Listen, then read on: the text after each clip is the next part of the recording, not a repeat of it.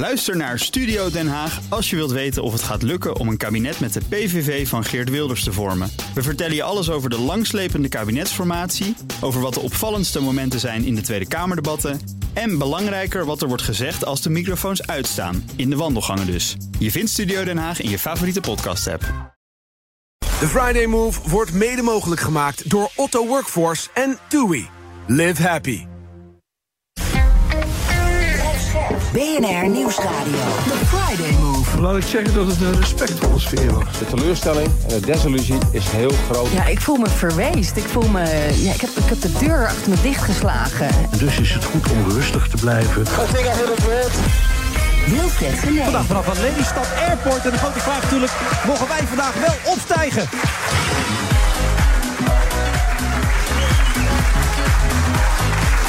En u hoort dat een razend enthousiaste menigte. Er zijn veel mensen op afgekomen op deze uitzendingen. Niet alleen mensen om te luisteren en te kijken, maar ook iemand aan tafel hier. De man die eh, Lelystad gaat redden, althans dat is de bedoeling. Hij gaat de city marketing hier doen.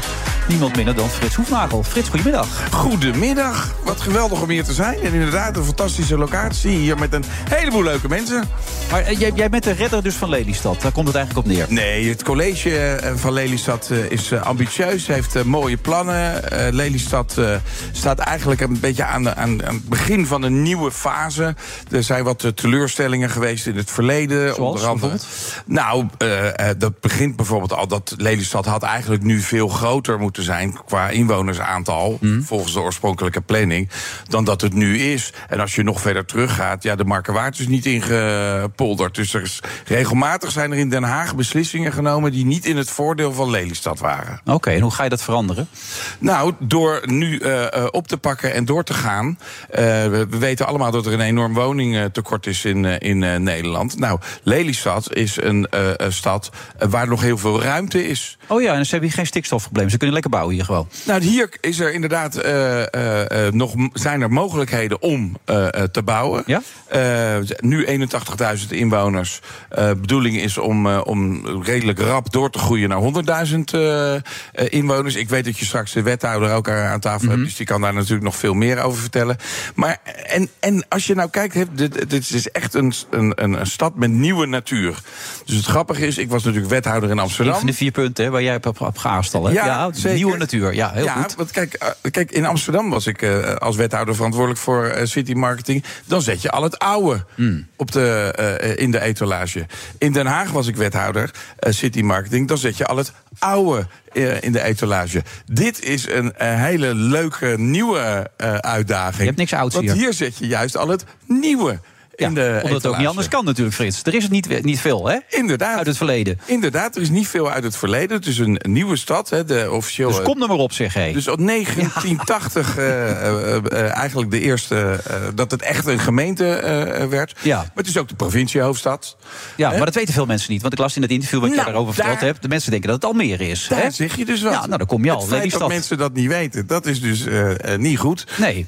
En verder ook pioniersgeest. is ook belangrijk hier toch in deze omgeving. Nou en of, want... eh, eh, Pioniersgeest. ja, het was natuurlijk, eh, het was natuurlijk allemaal water. Ja. En meneer Lely heeft, ingenieur Lely... die heeft Mhm. Dat hele lelijke beeld daar plan Lelystad, eh, ja, bij het gemeentehuis. bedacht. Ja. Ja. die staat op een hele hoge sokkel. Ja.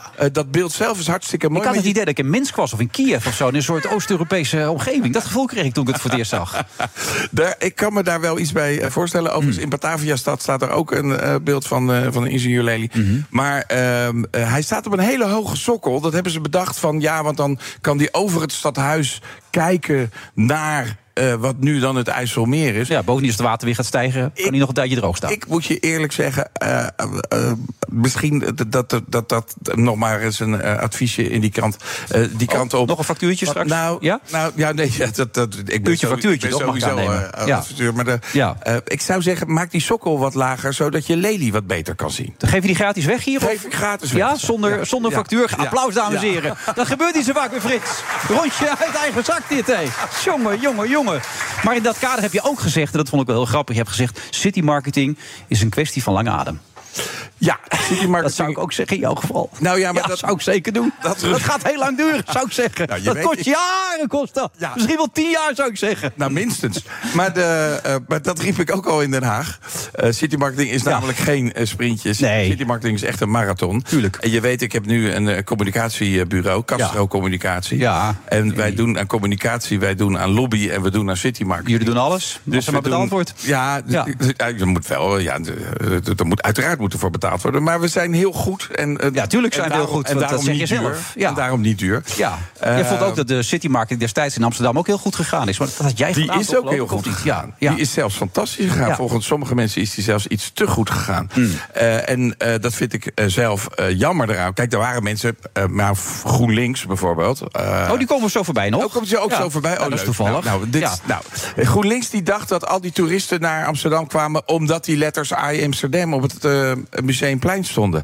Dat is natuurlijk niet waar. Nee. Maar goed, toen dit werd geïntroduceerd, het hele I Amsterdam verhaal, dat was in eh, 2004. Mhm. Eh, je kan het je bijna niet meer voorstellen. Maar toen wilden er te weinig mensen wonen in Amsterdam. Mhm. Er wilden te weinig ondernemers daar eh, ondernemen. En we wilden wat meer bezoekers hebben. Ja. Nou, op alle drie die terreinen Dat kunnen we zeggen dat het een heel Ja. groot succes is geweest. Wij van WC Eend zouden zeggen dan. Ja, wij nou ja, ik adviseren heb WC Eend. niet bedacht. Hè. Kessels Kramer heeft het bedacht. Ja. Eerlijk is eerlijk. Maar ik heb het wel als wethouder geïntroduceerd. Ja, nu is natuurlijk, eh, eh, hebben ze in Amsterdam een heel ander probleem. Namelijk van hoe zorgen we dat we de bezoekers krijgen die we willen hebben. Ja. Nou, en daar moet je beleid op voeren. En ja, eh, Misschien kunnen we deze- van die mensen naar Lelystad sturen die hier willen wonen. nou, deze geef ik dan ook maar weer gratis weg. Ik zou in Amsterdam. Als ik eh, nu in Amsterdam in het stadsbestuur zou zitten, zou ik eens het woordenboek opzoeken wat het woord handhaven betekent. Hmm. Want je kan namelijk wel, je kan namelijk wel eh, eh, zeggen van ja, en er is nu een blowverbod op de wallen. Maar als je dat niet handhaaft, dan, dan, dan verandert er niks. Remke Halsema, wakker worden. Ja, dus ik denk dat ik vind dat Amsterdam een hele goede burgemeester heeft. waarom? Die heeft trouwens al Waarom vind je dat een goede burgemeester? nou, omdat ze al regelmatig voorstellen heeft gedaan om de overlast te beperken. Want Mhm. eh, heel vaak gaat het over de drukte, maar eigenlijk zou je het niet moeten hebben over de drukte. Je moet het hebben over de overlast. Iemand die, die vanuit Amerika eh, naar, naar eh, ja, Nederland Britse komt dronken gasten vliegen. voor een vrijgezellenfeest. Ja, maar dat die, dat die de nachtwacht komt bekijken of het Anne Frankhuis en een rondvaart doet door de grachten. Dat, die zorgt misschien wel voor drukte, maar niet voor overlast. Nee. En het gaat inderdaad om degene. Pak een beetje de Britse Ja. eh, bachelorparties. Die, die eh, je, je grachten vol eh, kotsen, je, je, je, portiek onder piezen. Ja, als je dat bij mij thuis doet, dan gooi je eruit en kom je er nooit meer in. Waarom doe je dat met een stad niet? Dus handhaven. Gratis tip. Handhaven. Zo, dat zijn er al twee op één Er middag. zijn er al twee. We, gaan wel een beetje opletten. Ja, nu bedoel je, nu gaat het wel rekeningen. Ja, de meter gaat nu lopen, heel belangrijk. Maar Lelystad geeft toch lucht hier? Dat is toch fijn hier? Of, of, of... Nou, dat is hè, dus, eh, Lelystad, daar is echt nog ruimte. Ehm, veel groen. Eh, nieuwe natuur. Ehm, je, je- waar je ook woont in Lelystad, je hebt altijd natuur in de, eh, in de buurt. Eh, ligt aan het water. Mhm. De Hiswaterwater is ook in Lelystad ehm, eh, jaarlijks. Eind augustus is dat weer. Heb je goed ingelezen? En de, nou ja, ik loop al een tijdje rond. Ja. Anders kan je ook niet adviseren. hè? Nee. Ehm, Dat is een kwestie van lange adem natuurlijk, dus dat snap ik, ja. Groen, blauw, Ja. dat is Maar allemaal Lelystad ruimte. geeft lucht. De kreet die hier altijd centraal stond, die vind je niks. Dat vind je een beetje niet Nou, positief. Ik denk dat Nee. hij een beetje achterhaald is. Maar ik denk, is dat, achterhaald. ik denk dat kreten, sowieso... He, je hebt heel veel gemeenten met een dijk van een gemeente. Of natuurlijk... Den Haag eh, bruist.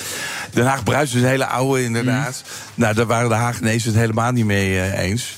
Dus eh, toen ik kwam was die gelukkig al afgeschaft. Maar de, een beetje Haagnees die dacht van de Haag bruist. Waar is dat dan? Ja, Die kon dan oh, afschieten. Oh, dat het zal wel, eh, dat zal wel, zal wel over Scheveningen gaan. Zal wel weer een eh, tanker langs zijn geweest met eh, illegale lozing. Dat het zo bruist. Verder bruist het er niet. Nee, Nou, nu wel inmiddels. er ja. niet. Inmiddels wel. Inmiddels hebben ze natuurlijk ook- Heel erg inderdaad. Mensen in de politiek die er alles aan doen om een beetje ondernemerspolitiek te bedrijven. Hè? ja, toch? Ja, die heb je ook. Ja. Ja. Ja. Wat vind je daar eigenlijk van? Hij is- dus ze gaan nu toch op eh, lichte schaal nog door, hè, het OM, zag ik. Ik vind het volstrekt belachelijk. Ja, toch? Ik vind de, de, de, de rechter die heeft gehakt gemaakt van, eh, van het OM. Hmm. En Richard de Mos, wat mij betreft, zo snel mogelijk terug dat college in, in Den Haag. En elke partij die dat tegen probeert te houden, die moet zich maar eens afvragen of ze wel echt democratisch zijn. Is dit ook een gratis advies of wordt deze berekend? Nee, dit is gewoon een mening. Dat is een mening. Oké, we gaan zo weer door.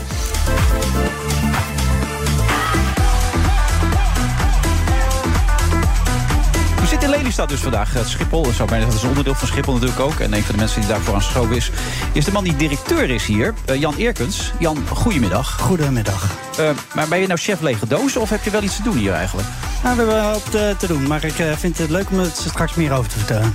Je mag nu ook hoor. Ja, nou, serieus. Ja. Nou, dat is hartstikke leuk. Nou, we zijn al 50 jaar open. Daarom heb eh, dit georganiseerd. Ja. Al 50 jaar vliegen hier de vliegtuigen af en aan om eh, piloten op te leiden. Ja, 85.000 vluchten per jaar? Juist. Vliegbewegingen, Ja. klopt dat? Ja, klopt. Zo, dat is best veel. Maar dat zijn allemaal van die, van die kleintjes die daar staan, Ja, toch? dat zijn die kleintjes, ja. Ja.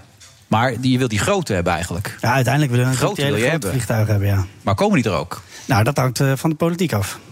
Eh, ja, maar eh, ondertussen ziet het er niet zo heel positief uit. Wat is je verwachting daarvan, wanneer het open zou kunnen gaan? Nou, de minister heeft vorig jaar eh, aangegeven dat er- wij aan twee randvoorwaarden moeten voldoen. De naderingsroute bij Lemelenveld. Er vliegen de vliegtuigen op 1800 meter eh, hoogte of laagte, wat je wil. Ja. Eh, die moet omhoog worden gelegd, er moet een plan voor zijn. En wij moeten natuurvergunning eh, gaan verkrijgen. Ja. En eh, daar zijn we hard mee bezig. En Daar zijn ze niet zo happig op in de politiek. Onder andere de mevrouw van GroenLinks die aanwezig is natuurlijk, Suzanne Kreuger. Ai. Dat je er bent, dat zie je niet zo zitten. hè? Dat dit een vliegveld Ja, wordt dat voor... gebruikt gaat worden. Nee, nee. Ik denk eh, dat het echt waanzin is om eh, in een klimaatcrisis een nieuw vliegveld te openen. En ik vind ook, ik kwam hier aan en eh, ja, je ziet eigenlijk een helemaal af en aan vliegveld. Hè, met eh, arrivals hall bordjes en de gatebordjes. Zitten we gewoon hè, nu in die hal. Ja, en dat toch? heeft natuurlijk ook iets heel treurigs eigenlijk. Dat je denkt van dit wordt toch denk ik een... eh, ja, bijna een soort museum van een tijd waarin we dachten dat we gewoon door konden groeien. En dat is niet meer. We zitten gebeuren. midden in een klimaatcrisis. We hebben een stikstofcrisis. Weet je, er moeten heftige maatregelen genomen worden, ook voor de boeren. Ja. En dan zou Lelystad Airport gewoon nog door kunnen groeien. Ik denk dat dat echt een eh, utopie is. En dat we hier eh, op terug gaan kijken naar deze hal. En dat het inderdaad een soort museum is van een, eh, van een voorbije tijd. Van dat we dachten dat alles mogelijk was. Frank Oostdam begint gelijk te lachen nu van ANVR. Waarom begin je te lachen, Frank? Nou ja, omdat ik het een, een- wel een interessante metafoor vind. Eh, wat wij natuurlijk niet graag zien. Nee. Dus, eh, nou, en ja, de politiek eh, eh, heeft nu een andere mening. Tenminste, zo ziet het dan uit. Wij hebben het idee dat ehm, ehm, de discussie nu niet meer focust op datgene wat belangrijk is. Het gaat nu om aantallen. En die krimp, alleen maar om de krimp, dat is iets waar wij gewoon falikant tegen zijn. Want dat ontkent de innovatiekracht van luchtvaart.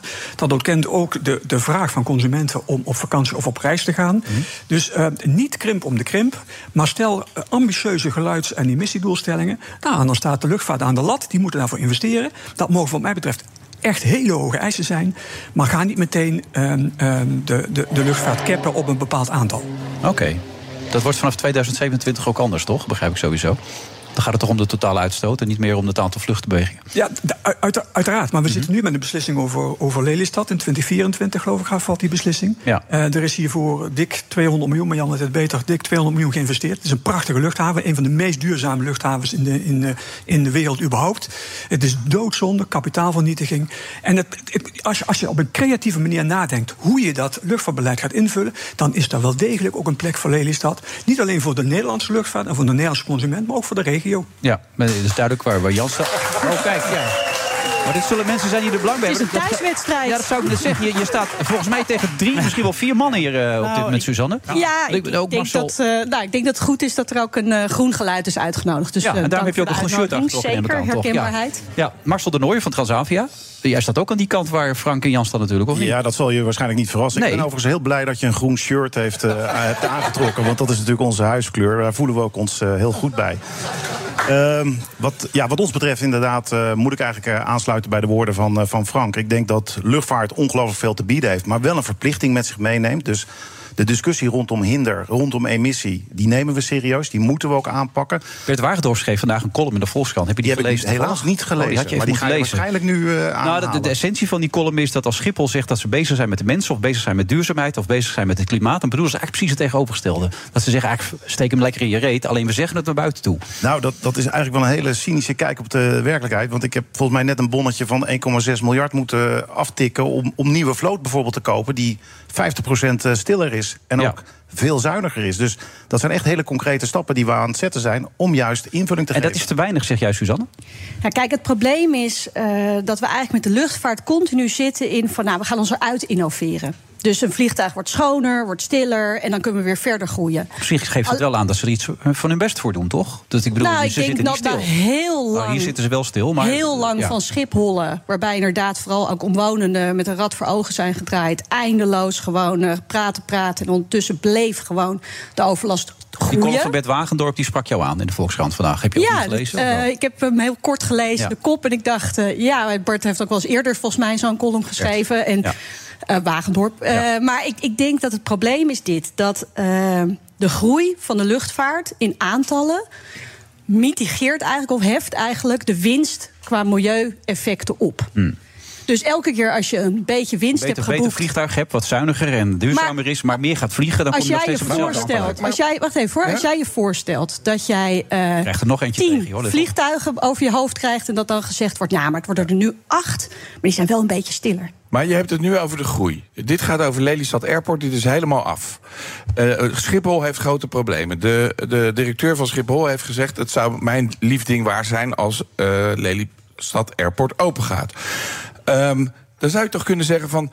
het, gaat niet, eh, het is niet een groei van de luchtvaart, maar we verplaatsen een deel van wat er nu op Schiphol is hier naar Lelystad eh, Airport. Daar heeft iedereen voordeel bij, want in de gemeenteraad van Lelystad is namelijk iedereen voor het openen van eh, dit, eh, deze luchthaven, behalve GroenLinks, inclusief partijen die in Den Haag nog wel eens mopperen, hè, zoals de Partij van de Arbeid, waar jullie volgens mij heel nauw mee samenwerken tegenwoordig. Volgens mij was BBB ook altijd tegen, maar Nou, is dat wellicht wat gedraaid? Nou, in het collegeakkoord van de, de provincie, eh, en eh, dat college wordt eh, volgende week geïnstalleerd volgens mij, staat dat, ze, eh, dat de, de nieuwe coalitie duidelijk de economische belangen van de airport ziet eh, voor de regio. Het is goed voor de werkgelegenheid, het is goed voor eh, eh, Schiphol. Het ligt hartstikke bereikbaar. Dus het is niet alleen voor de Randstad, maar ook voor mensen uit het noorden of Ja. voor mensen uit het oosten. Het is fantastisch. Gooi open die airport. Ja, nou ben je ook enigszins gekleurd, toch? Hè, Frits?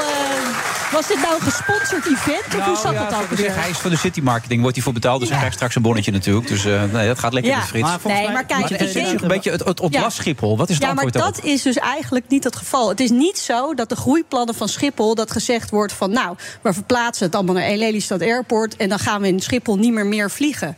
Dat is absoluut niet wat de plannen zijn. Maar als En dat is de maar als als dat nou wel de afspraak wordt, dan bent u voor het openen. Nee, daar ben ik ook niet voor het Ja, openen. dan is het argument dus ook niet eh, steekhoudend. Nee, want je kan meerdere argumenten hebben voor een bepaalde stelling. En ik zou zeggen, als je kijkt naar wat we voor klimaat moeten doen... als je kijkt dat we echt die CO2-reductie echt hard moeten doorzetten... dan moet je sowieso nu een cap hebben op de emissies die we nu hebben... en een heel hap, rap afbouwpad. Dus wat u en dan is een wat- nieuw wat er ook vliegveld... gebeurt, dit vliegveld gaat nooit open wat u betreft. Dat is wat u zegt. Nou, ik durf nu een wetje met al deze mannen aan deze tafel te leggen... Hm? dat dit vliegveld gaat niet open. Gaat echt niet. nooit gebeuren. Nee, het is uitstel, uitstel, uitstel en dat wordt afstel. Dat is op zeker. Daar durf ik eh, op te wedden, ja. Een goede fles wijn begrijp ik hieruit. Zeker. Nou, die staat. Lekker. Prima. Jan, dat is, dat is geen fijn Nee. vooruitzicht dit. Nee, nou, ik denk dat mevrouw Krugge en ik het eh, vrij snel eens zullen zijn over schoner en stiller en dat dat allemaal wat sneller moet. En we hebben het altijd over eh, CO2 en de klimaatcrisis. Dat is allemaal waar. Dat moet echt eh, sneller, dus wat ik zojuist zei. Maar het gaat volgens mij ook meer om over de inbedding.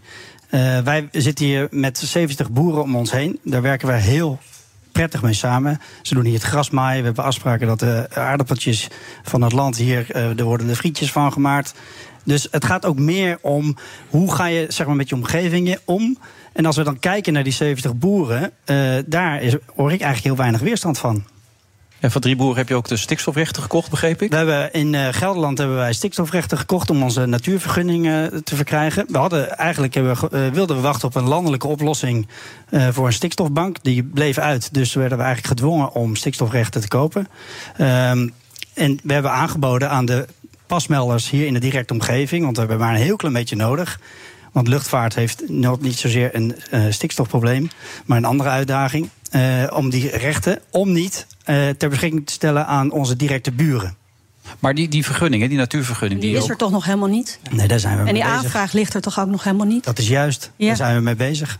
Maar dat, als je al zo lang hiermee bezig bent, dan gaat het toch wel eens een beetje, kri- een beetje kriebelen dat het misschien wel eens misgaat. Ik, kijk, die cheflezer Deegdoos, ik bedoel ermee, je, was eerst commercieel directeur, je bent het toch blijven doen. Eh, ik bedoel, ik neem aan met intentie om het hier te laten floreren. Maar als je dit soort verhalen hoort, ik zou er een beetje onrustig van worden na zoveel tijd. Nou, eigenlijk geeft het me juist energie om het eh, te laten zien wat Lelystad Airport kan zijn.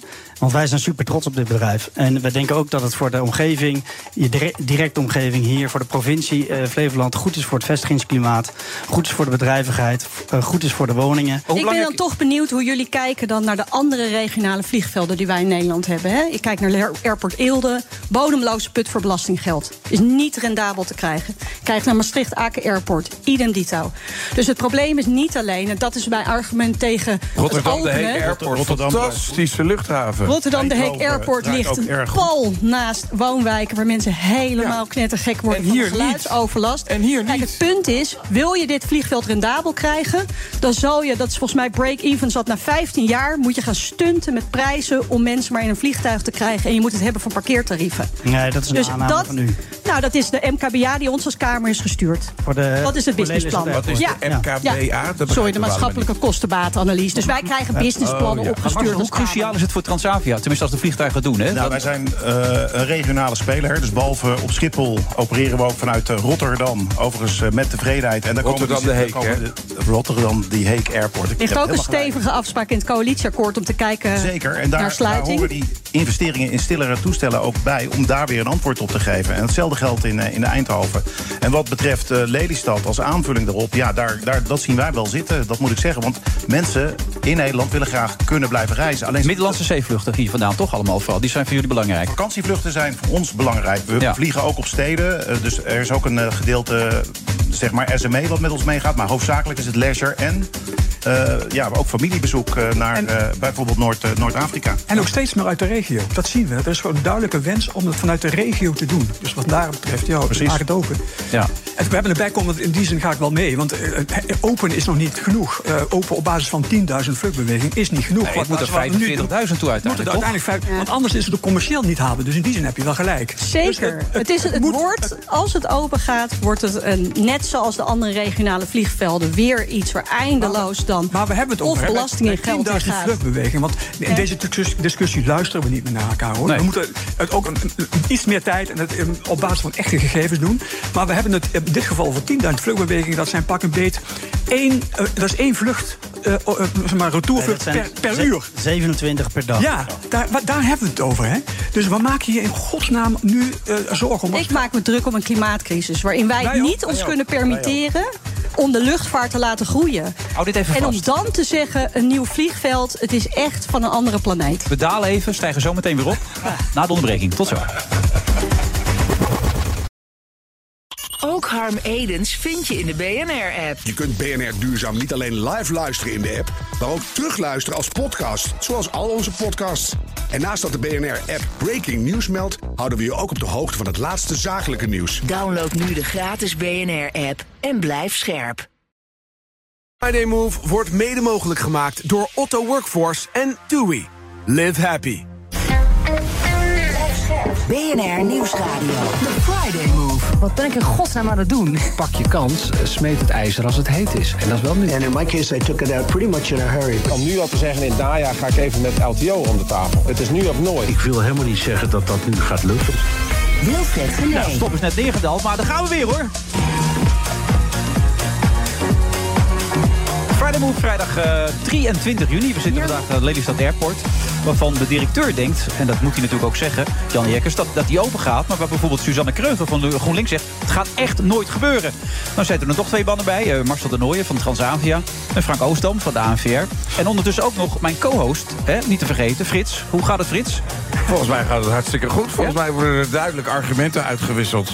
En dat is eh, mooi. Dus ik vind het ook mooi als er wordt gezegd van ja, we luisteren te weinig naar elkaar. Nou, dat moeten we juist nu wel doen. En ik denk dat als er goed geluisterd wordt, dat er dan eh, grote mogelijkheden zijn Maar hoe voor dan? Leg me dan even Airport. uit. Want eh, Suzanne heeft al gezegd, het gaat er sowieso niet komen. We moeten met deze situatie waarin we nu zitten... met de klimaatcrisis, met alles wat we moeten doen aan naar reductie... Nee, maar Suzanne is eh, van GroenLinks en die wil dat het niet open gaat. Dat is wat anders dan dat het Nee, zeker niet Suzanne open is van gaat. GroenLinks en die wil heel graag dat we echt iets doen aan het klimaatprobleem. Ja, Nou ja, dat is hartstikke. Nou, dan wat is zou de reden waarom ik hier maar sta? als je dat graag wilt, dan zou je erover kunnen denken dat een eh, volledig duurzaam, eh, duurzame luchthaven. dat dat misschien wel een eh, oplossing is en een bijdrage eh, kan leveren. in plaats van het openhouden van de minder duurzame. Maar wat is een airports. duurzame luchthaven? Een duurzame luchthaven is een luchthaven waarbij vliegtuigen. Waar geen vliegtuigen Geen- komen. ah ja, waar vliegtuigen geen. Ah ja, die zijn heel duurzaam. Uiteindelijk moet de luchtvaart ook naar nul uitstoot. Nou, en de tragiek van de luchtvaart is, in vergelijking met andere sectoren, Hm? dat helaas, en daar zeg ik ook bij helaas, want ik. eh, Ja, maar nou, dan ben je Ga gewoon je vliegt tegen wel eens? vliegen. Zo? Ja, je vliegt zelf wel eens? Of? Nou, dat is eh, de laatste keer voor vakantie is jaren terug. Echt waar? Ja, dus- maar je, je bent oké. tegen vliegen. Maar er zijn heel veel Nee, mensen ik ben die wel helemaal willen niet vliegen. tegen vliegen. Maar ik denk dat net zoals alle sectoren moet ook de luchtvaart naar nul. Het kunnen niet alleen de boeren zijn of alleen de industrie. Dat wordt ook niet en als gezegd, je dan kijkt, is gewoon de tragiek van de luchtvaart is dat de techniek heel langzaam gaat. Dus we moeten tijd kopen, om het zo maar te zeggen. En ik hoop, ik zeg altijd, ik hoop dat mijn kinderen, als zij mijn leeftijd hebben, dat ze dan ongestoord Als kunnen reizen. als als is nu niet het geval. één tegelijk. Als, Eerst eh, Frank, als, eh, als je bij mijn achterban, bij ondernemers, eh, dat vraagt, hè, is er niemand die daar een ontkennend antwoord op geeft. Iedereen gaat dat aan. Ehm, en en ik, ik kom een eind naar je toe als je zegt van ja, als je kijkt naar de stromen en de toekomstvoorspellingen en de project, Maar dat duurt lang, zegt, eh, zegt nou, dan gaat dat lang duren. Ja. Maar uiteindelijk in 2050, 2060 komen we inderdaad bij die, bij die net zero luchtvaart. In de tussentijd, ja, maar in de tussentijd, en daar ben ik wel met Suzanne eens. Ontkomen we er niet aan om drastische maatregelen te nemen. Maar Om dat dus wil ook minder te gaan vliegen. Nee, maar dat wil niet zeggen dat je bijvoorbeeld zegt dat je minder gaat vliegen. Het wil zeggen dat je ambitieuze doelstellingen aan de luchtvaart oplegt. En als dat uiteindelijk de consequentie heeft dat mensen door een prijsprikkel eh, minder gaan vliegen, dan is dat maar zo. Hmm. Maar het is. On, ja, het is gewoon niet handig en niet efficiënt om te zeggen: van, joh, we gaan uit van een bepaald aantal. En dan vervolgens, ja, eh, is dat. Is Nou, dat daar ben ik met je eens. Dus ik ben ook heel blij dat het kabinet gaat nu werken met dat CO2-plafond. Dus dat Ja. betekent eigenlijk dat je tegen alle luchtvaart zegt van... nou, nu stoot je zoveel uit en het moet elke keer een beetje minder. Nou, de stappen waarin we dat moeten doen... om eigenlijk nog klimaatverandering, gevaarlijke klimaatverandering... van anderhalve graad een halt toe te roepen, dat is heel stevig. En dan is het niet realistisch om veel meer te gaan vliegen. Dus is het ook niet realistisch om een vliegveld te openen... waarvan je eigenlijk weet dat je geen business case hebt. Nee, maar de verwachting is wel, en dat weet Marcel nog beter dan ik, denk ik, is dat het vliegen ook het gaat gewoon duurder worden. Want wij vinden ook als reissector dat alle milieueffecten van een reis, van een vliegreis, Maar wordt dus in de een- prijs van de product. Maar Dus wordt het een elite. eh, nou, nee, dat ook niet. Want het is ook onze uitdaging om datgene wat we nu hebben bereikt. Dat, het, zeg maar, dat, dat die hele reissector en de toerismewereld verdemocratiseerd is. Dat iedereen in de gelegenheid is om een mooie ervaring te hebben. Alleen het moet wel Dus en, en, het moet ook zo zijn dat je alternatieven gaat krijgen. Dus meer treinen. Eh, dat gaat dus ook veel te langzaam. Maar er zijn nu onder andere zoveel maatregelen. eh, die uiteindelijk leiden ook tot het doel wat jij hebt. Zonder te komen tot die krimp. Eh, en dat is volgens mij veel, veel heilzamer. Ja, het is ook zo dat de sector Marcel, die ja? beseft dat ook gewoon, dat er uitdagingen voor liggen. En net eh, zero in 2050 is een realiteit. Daar gaan we naartoe. Daar, maar daar moeten we ook komen. En dat moet je op een manier doen dat je als bedrijf kunt blijven investeren. Eh, ik gaf al aan wat we doen op vlootvernieuwing. Maar een andere belangrijke... Anderhalf miljard voor uitgegeven, heb je net gezegd. Heb ik net gezegd, inderdaad. Ook een paar vliegtuigen die de laatste tijd niet werken. Dus daar heb je eigenlijk een beetje meegedacht natuurlijk ook. Je hebt gezien wat voor, wat voor eh, commotie dat eh, geeft op het moment Ja. dat je niet vliegt. Dus dat moeten we eigenlijk niet te vaak doen. Eh, maar waar we ook in investeren zijn duurzame brandstoffen. En ook daar zou je eigenlijk willen zien dat een politiek iets wat meer lef gaat tonen om die slinger Maar lastige, Marcel, als ik nu dit- eh, dit- deze discussie een beetje plat sla... dan is het eigenlijk bij GroenLinks... en er zullen nog wel veel meer partijen zijn... die ook misschien zo denken, het gaat gewoon niet gebeuren. Wij, wij staan er niet voor open. dan Ook al kom je er zijn nooit. jullie bezig Nee, om- maar dat vind ik, weet je, dan, dan klinkt het alsof het een soort eh, dogma is. Terwijl ik denk, je moet gewoon een realiteitszin hebben. En als je realiteitszin hebt op het gebied van klimaat. en 2050 is veel te ver weg. Als je dan pas- 2050 is heel ver weg. De luchtvaart, helaas, ik zeg nog een keer helaas, loopt technologisch echt achter op andere sectoren qua innovatie. Dat is omdat er veel te lang natuurlijk gewoon met allerlei fossiele subsidies de luchtvaart eh, uit de wind is gehouden. Want ja, over k- kerosine wordt geen accijns betaald. Dus veel te lang is de luchtvaart eigenlijk hand boven het hoofd gehouden. Nu moet je in een razend tempo verduurzamen. Nou, dat betekent dat helaas op de korte termijn we echt terug moeten in het aantal Die vliegbewegingen. betaalmodellen met de ETS die zitten er Ja. nu in. Hè, dus, dus er wordt ook echt belast. eh, en dat, dat gaan we ook. En dat doen we ook. Dus ik ben het ook niet helemaal eens met jouw analyse dat die innovatie zo, eh, zo traag gaat. Eigenlijk is luchtvaart Nee, en van de los daarvan, en los daarvan die het gaat in die hele discussie over eh, eh, uitstoot en de eh, luchtvaart. Daar moet de politiek ook meer doen. Er is geen BTW op kerosine. Dan moet je dat uh, uh, aanpakken. Dan moet je, als ik met de trein naar Londen ga, wat ik uh, dit, dit jaar heb gedaan, ben ik veel langer onderweg en ben ik veel duurder uit. Dat maakt het dus niet ja, Maar dat ben ik dan helemaal daar, met je eens. Maar dan moet je daar wat aan doen. Dan moet Ja. je niet zeggen een duurzame luchthaven die. Maar deze, hoeveel heeft het gekost tot nu toe, Jan? die deze luchthaven? Eh, Deze luchthaven heeft eh, 100 miljoen gekost. En 100 miljoen heeft ook de provincie en de gemeente uitgegeven. 200 miljoen heeft het al gekost. Juist.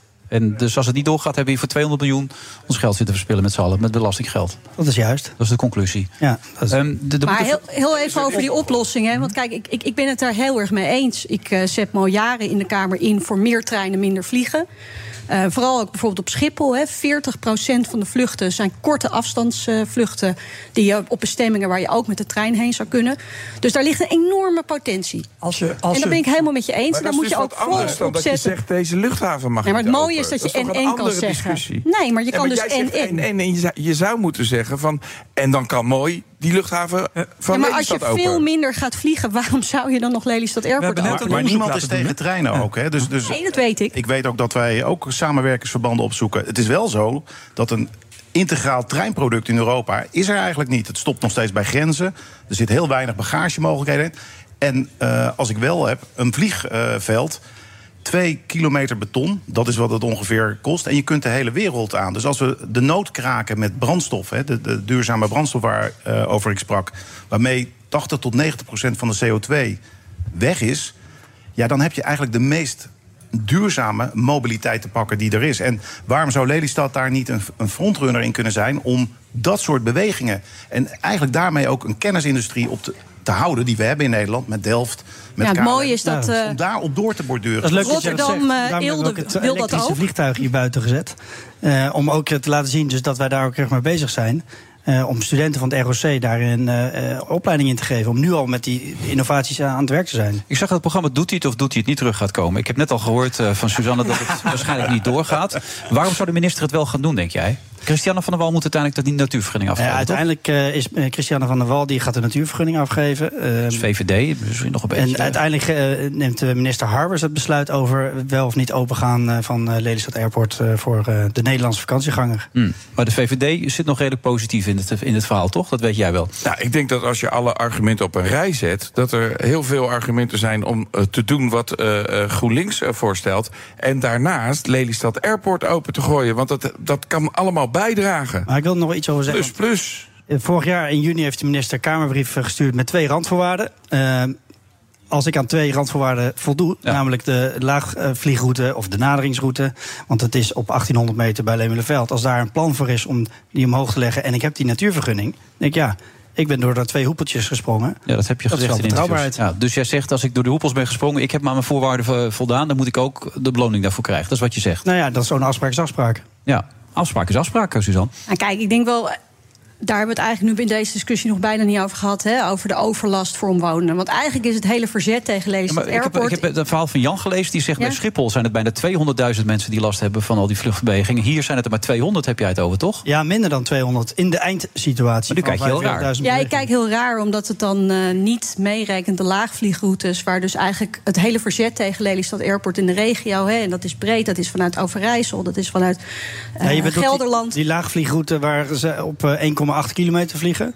Nou, daarvan is dus nu het plan. Eh, er moet een plan zijn dat die eh, route omhoog kan worden gelegd. Ja. Dan heb je dus niet meer. Heb je dat Nee, maar je weet ook, Kom je er wel denk op ik, tijd dat... aan in de grond? Of, of moet je dat Sneller duik dalen, sneller volgens mij Ja? eh, weet je Ja, ook dat dat er in, ja. eh, in Utrecht het heel veel te doen is over de vierde eh, route die nu eh, wordt ontwikkeld. Wat heeft te maken met de herindeling van het luchtruim. Juist, dat gaat Kijk, over het probleem. van het luchtruim, ja. Ja, maar dat heeft ook te maken met het inpassen van Lelystad Airport. Kijk, je moet je voorstellen, we hebben niet alleen een en een klimaatcrisis, maar we hebben ook een heel vol luchtruim. Waarin eigenlijk wordt gepoogd om eh, nou ja, al die stromen, eh, al die routes zeg maar, goed te leiden. Mhm. Wat ertoe leidt dat bijvoorbeeld rond Rotterdam mensen heel laag vliegen om onder het Schipholverkeer te blijven. En dat ook leidt in Utrecht nu met hele slechte voorstellen. Dus ook Lelystad Airport draagt daar weer aan bij. Nou ja, inderdaad, er moet een oplossing worden gezocht voor die la laagvliegroute. En daar zijn we de, dat is mijn opdracht. En als ik aan die twee randvoorwaarden heb voldaan, dan ga ik uit van eh, betrouwbare overheid en dan Dus dan zegt besluit. Arbus uiteindelijk, Ja. het gaat open. Dat, Dat- heb je al met hem afgesproken Nou, eigenlijk. daar, daar, daar ga ik niet over. Jawel, je hebt goede contacten. Dat zou ik wel willen, ja. Ja. Maar uiteindelijk gaat hij daar zelf natuurlijk over. Ja. Nou, en ik denk dat we in de coalitie, de. VVD, volgens mij eh, eh, nog als enige eh, heel erg pro. Steunen van de groei van alle vliegvelden is. Maar dat ook andere coalitiepartijen allemaal zien. Ook de ChristenUnie op de Veluwe. Ook Nou, eh, ook CDA. nog, het CDA. Ja, maar- Maar het CDA CDA, heeft dat ze allemaal die zorgen zien gewoon. Ja, maar van, nogmaals- klopt het om een nieuw vliegveld te openen? Nogmaals, hier in Lelystad is alleen GroenLinks tegen. En eh, eh, in de provincie is net een akkoord gesloten waarbij eh, er duidelijk is verwoord dat het economisch belang van de luchthaven dat dat duidelijk wordt herkend door, eh, door, de, coal- door de coalitiepartijen. Eh, dus eh, ja, weet je, in Den Haag eh, kan GroenLinks wel roepen van ja, maar er zijn er heel veel. Maar hier, hier is dat in ieder geval niet zo. Ja, maar heb je ook gekeken hoe het in Overijssel ligt? Hoe het in Gelderland ligt? Kijk, dit, het probleem ligt met het- Daar Lelystad... ligt het gevoelig. Daar hebben we het zojuist Zeker, even ja. over gehad. En dat gaat dan vooral over stikstof. Dat is natuurlijk En een enorme, enorme opgave Ja. in Nederland. Wij hebben bij een aantal boerderijen die stikstofrechten gekocht. Daar gaat 30 tot 40 procent van terug naar de natuur. Dus dat is al de eerste reductie. En wij hebben zelf maar heel weinig nodig. En de rest geven wij gratis aan de, onze buren. Dus per saldo lossen wij daar ook een deel van stikstof, Stikstof, maar beperkt ja, mee op. Stikstof. eh, we, bedoel, we hebben daar een, een, een be- behoorlijke ambitie. En dat moet ook, we moeten er echt wel aan, aan werken. Ja, maar stikstof is eh, Wagendorp, hè, 1, 1 1,2 procent Eh, stikstof. het is 0,7 Ja. of 1, tussen de 0,7 en 1,1. Dat is de luchtvaart wat voor verantwoordelijk is. hè. Het belangrijkste is wat, wat we net gezegd hebben. Luisteren dan naar elkaar. Want straks gaan jullie naar huis toe en denk je... ach, die dame van GroenLinks... dus ik dus Nee, in die zin voor Suzanne. dus, nee, eh. maar in die zin voor Suzanne. ik denk dat we uiteindelijk we hebben de gemeenschappelijke doelstelling, namelijk net zero in 2050 en zo min mogelijk geluidsoverlast voor de mensen in de omgeving. Dat is, dat is voor Hmm. We hebben ons het gesprek dat Suzanne- hij gaat nooit open. Dat heeft Suzanne als eerste gezegd. Is de, is, vervolgens is het, hoe gaan we daar naartoe? En dat kan veel creatiever door de botweg te zeggen, joh, we gaan de, eh, Lelystad niet open, het is een, een, symbool voor een museum. Eh, dat gaat eh, verder dan alleen maar te zeggen, we moeten krimpen, maar we moeten naar elkaar luisteren en zeggen, wat voor creatieve manieren hebben we? Wij hebben ze, bedoel, wat dat, en wij ook. Wij, hebben allerlei maatregelen die we kunnen invoeren, zodat we en eh, eh, Lelystad open kunnen gooien en kunnen werken aan die uiteindelijke doelstelling om te voldoen aan de klimaatakkoorden van, akkoorden van Parijs. Maar als het dus veel duurder gaat worden, dus voor heel veel mensen niet meer toegankelijk, dat zou toch ook niet de ontwikkeling moeten zijn in Nederland? Ik bedoel, daarmee doe je toch heel veel mensen tekort die ook een keer naar Nou het ja, goed, buitenland maar willen. dit is eigenlijk precies een vraagstuk over hoe we Schiphol gebruiken. Hè? Ik Mhm. bedoel, Schiphol gebruiken we nu grotendeels voor hub. Dus dat is voor de overstapper. Ja. Dat is niet voor de Nederlandse vakantieganger. Dat is een keuze. Maar wel belangrijk voor het vestigingsklimaat. Want daardoor Ja, maar daar trekken kan je- we heel veel bedrijven aan in uh, Nou goed, er zijn ook eh, best een paar stevige studies geweest die dat belang eh, best wel hebben genuanceerd. En nog meer studies die dat bevestigd hebben dan die Daar kan je eindeloze discussie zit ik weer met Johan. Derks aan tafel. Die roept ook altijd, ik kan altijd wel iemand vinden die zegt dat het niet zo is. En als ik in de natuur loop, ziet het er geweldig uit, roept hij dan. En het is groen. Oh, jongens. ja, Nee, en maar- het is groen. Eh, nee, ik, ik, wil, ik denk dat we eh, veel... eh, wat ik zou willen, en dat is dan wel weer interessant... dat ik daar dan bijvoorbeeld eh, heel goed in optrek... met mijn VVD-collega in de Kamer... is dat je als overheid eigenlijk veel meer sturing zou moeten hebben... op hoe we Schiphol zo slim mogelijk gebruiken. Hmm. Want nu is dat er gewoon niet. En ik denk dat die korte afstandsvluchten, daar moet je echt vanaf. Dus je moet vol inzetten op, die, eh, op de treinen. En ik denk dat je moet zorgen. Nou ja, dat, dat is inderdaad. eh, eh, kan je ook. Maar goed, laten we Je liet even. een geldgebaar, deed je even. Ja, omdat mensen de is de radio, dit is geen hartstikke tv, duur. hè? Nee, maar goed, het is ook natuurlijk zo dat het vliegen. Maakt dat goedkoper? Vliegen is op dit moment gesubsidieerd doordat je geen belasting betaalt over de brandstof. Als we heel eerlijk zijn, is treinvervoer vervoer natuurlijk vele malen meer gesubsidieerd. En nogmaals, ik ben niet tegen treinen, maar het aanleggen van nieuwe Kijk, dit is wel mooi. hè? Dat is lijnen... Even het geluid erbij. Ja, Ja, hoe- Er precies. vliegen wel vliegtuigen. Het zijn hele kleintjes, maar ze vliegen wel, ja. Nee, maar de, de eerlijke discussie is natuurlijk wel dat treinen het meest gesubsidieerde vervoer is wel eigenlijk wat er bestaat binnen Europa. Dan moeten we daar ook eerlijk over zijn. Dat het zoveel Maar het geld imago kost. van Schiphol, van vliegen, is op dit moment niet heel positief. Nee. En dan heb je ook nog die pech dat bij jullie allerlei vluchten uit. Hoeveel Ja, vluchten inmiddels zijn er? inmiddels Nee, eh, vliegen we keurig weer eh, op tijd. We hebben inderdaad eh, wat Oh, ik was laatst naar aanloopproblemen Valencia gehad. toe en toen deed de motor het even een tijdje niet. Maar uiteindelijk Maar zijn we er gekomen. gemaakt, dus we- op dit moment, gerepareerd. hebben we eigenlijk weer hem hele met een soort... prima performance. Dus ik Zo- eh, zo- raad iedereen aan om daar Zo'n blower hadden ze nodig, anders deed hij het niet. Ja. Soms Ja, heb je dingen ik zat al om half zes in. Dan zat ik daar zo heel vroeg, deed de blower het niet. Nou ja, Dat zul jij weer meemaken. Ja, maar zonder gekheid, het- de macro is niet positief op dit moment. Nee, er is een Schiphol niet, rondom vliegen niet. En die gaan we ook niet ontkennen. Want, eh, volgens mij zijn we deze discussie ook gestart met dat we erkennen dat we een opdracht hebben te vervullen om minder hinder te veroorzaken. En dat gaan we dus ook doen met die stillere vluchten. En door te investeren in duurzamere brandstoffen. Dus daar zijn we gewoon hard mee bezig. En je hebt wel uiteindelijk een verdienmodel nodig. Om die verdere investeringen eh, te doen laten plaatsvinden. Ja, voor niks Ja, gaat de zon op. dit is de eeuwige eh, Ja. zeg maar, Ja, de logica van de luchtvaart. dat is wel de reële Ja, maar dat discussie. is het reële waarmee we het klimaat naar de piep hebben geholpen. Ja, is Precies die logica. het- het- de logica we moeten dat- groeien dat om te verduurzamen. jaar En alleen nog maar stil heeft groeien. gestaan, dat klopt natuurlijk helemaal Nee, niet. maar als je kijkt naar de Want Het CO2 is vele malen efficiënter geworden sinds, nou, echt, met elk jaar. Maar als je kijkt het naar de opschuiven. CO2-reductiecijfers van Nederland... dan zie je het op allemaal vlakken gaat het naar beneden. Wat gaat niet naar beneden? Nou, maar dan moet je er ook bij zeggen dat Nou, de alleen als je daalt, hè, met het CO2-uitstoot vliegtuig, 2, ja. 2% bedraagt van het Ja. totaal. Hè. Dus de CO2-uitstoot van luchtvaart is er. Ontkennen we ook niet. Moeten we aan werken. Het is 2% op het totaal. We moeten dan niet een beeld schetsen dat het 50 of 60 Ja, procent maar ik is. schets Want dat het absoluut niet. het beeld dat 50% is. Ik schets wel het beeld dat in 2040, omdat we in al die andere sectoren wel de technische oplossing al hebben, is, zijn de prognoses dat in 2040 het wel meer Maar dan ik heb net al 50% aangegeven dat duurzame zijn. brandstoffen de oplossing zijn. Want dan haal je 80 tot 90 procent van het probleem weg. We Ja, hebben maar je wel weet schaal ook nodig. dat die duurzame brandstoffen, die duurzame brandstoffen, daarvan, dat is heel schaarse grondstoffen. Dat is gemaakt van gebruikt frituurvet. Nee, nee, nee, nou, nee, nee, als er nee, iets is wat niet oneindig is, is het gebruikt frituurvet, Nee, behalve nou. als we allemaal ons dieet Maar veranderen. maar er zijn nieuwe brandstoffen in de maak. Precies. Precies. Maar ook dat kost weer tijd. Dus nogmaals, ik ben ontzettend voor die Ja. innovatie. maar Dus dan zeg je een tijdje niet vliegen en als alles goed is, als alles werkt, dan kunnen we weer gaan vliegen. Dat is wat je eigenlijk zegt. Wat ik zeg is dat voor de komende 10, 15 jaar... die Ja. cruciaal zijn voor het klimaat... waar het echt spannend is...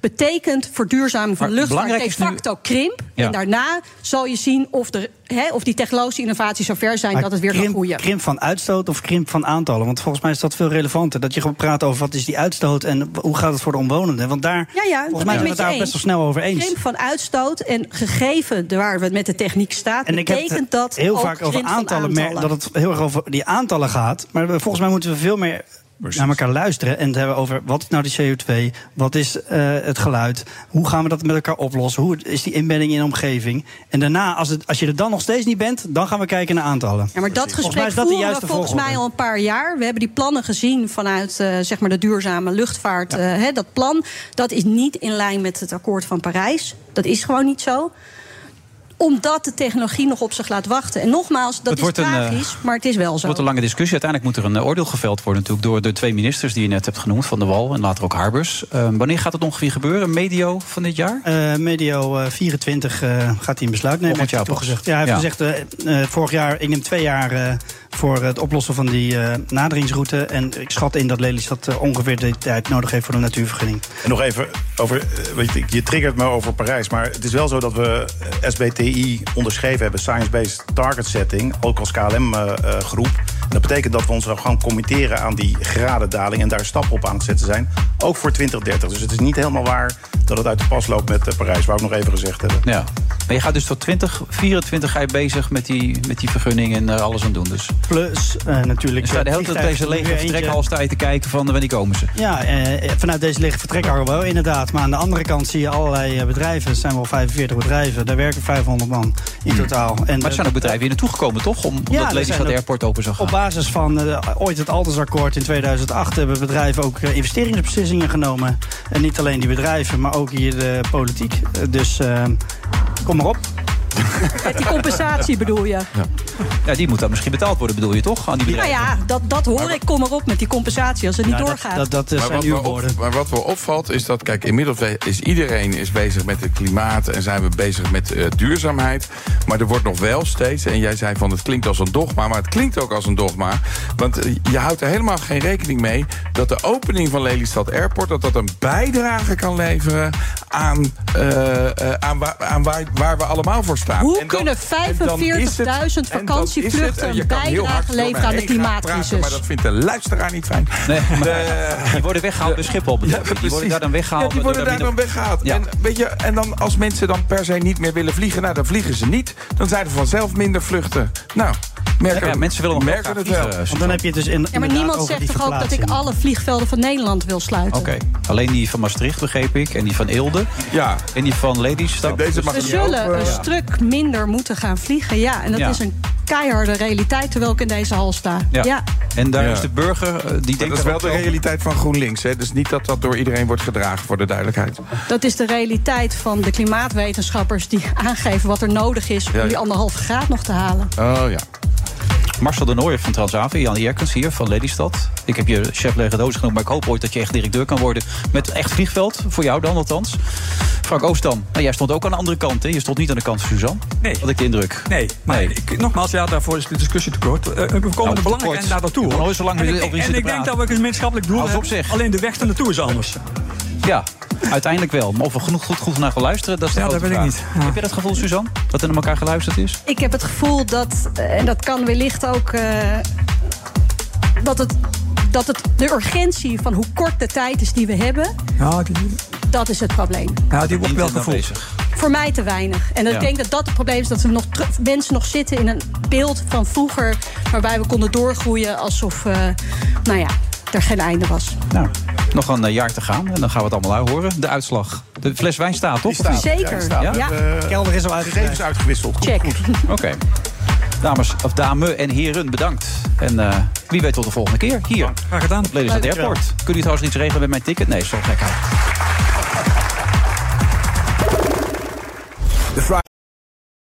Ook Hugo Reitsma vind je in de BNR-app. Superhandig die BNR-app. Je kunt alle programma's live luisteren, breaking nieuwsmeldingen. Je blijft op de hoogte van het laatste zakelijke nieuws. En je vindt er alle BNR-podcasts, waaronder natuurlijk de belangrijkste, Boeken zijn in de wijk.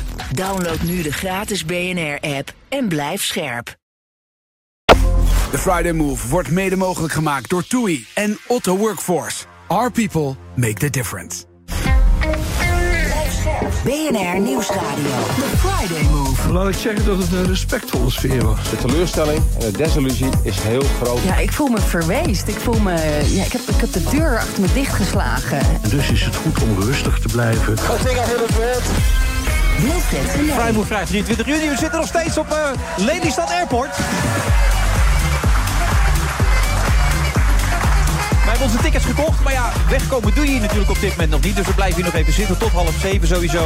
En dan keren we weer eh, huiswaarts, omdat we dan nog steeds eh, niet omhoog mogen. Volgend jaar, medio de 2024, wordt er vast meer bekend. En dan zal blijken of hier een fles wijn is gewonnen door Marcel van de Transavia. Of door eh, Suzanne van GroenLinks. Dat maken we allemaal mee. Frits Hoefnagel was er weer aan het lobbyen. Rekeningje alweer verstuurd. Ik zag je weer druk bezig met andere mensen.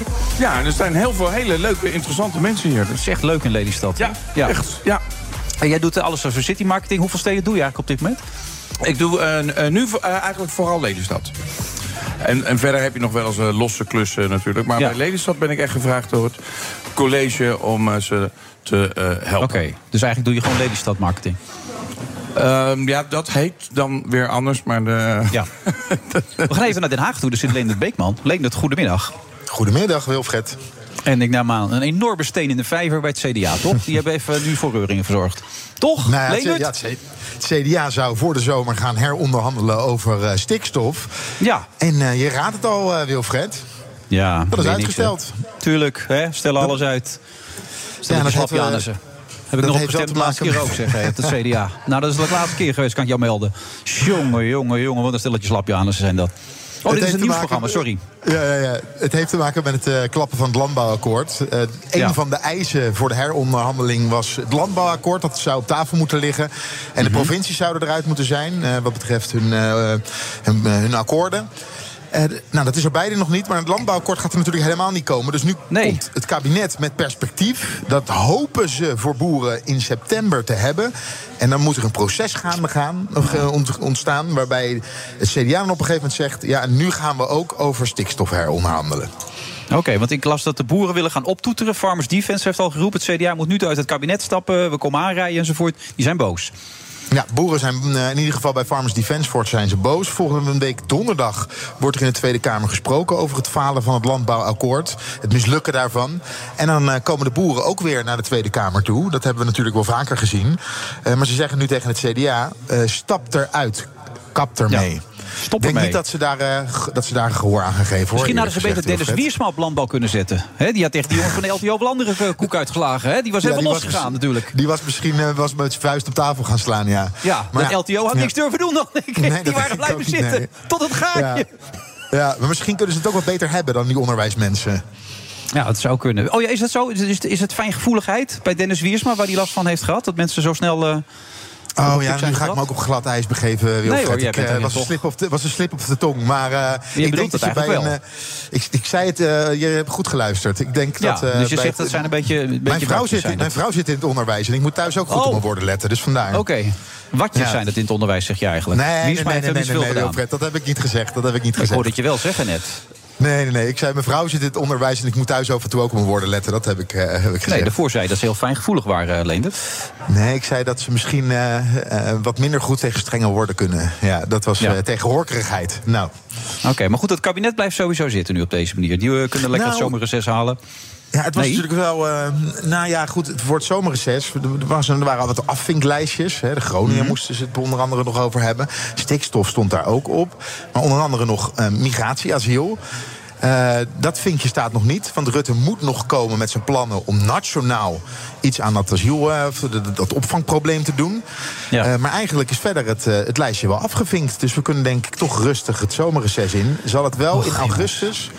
In augustus moeten ze gaan praten, daadwerkelijk als ze in september klaar willen zijn met perspectief bieden voor die boeren. Dan zullen ze in augustus moeten beginnen. Dus ik verwacht zo dat ja, vier weekjes eh zomerreces en dan eh, zullen we weer op de stoep moeten gaan staan.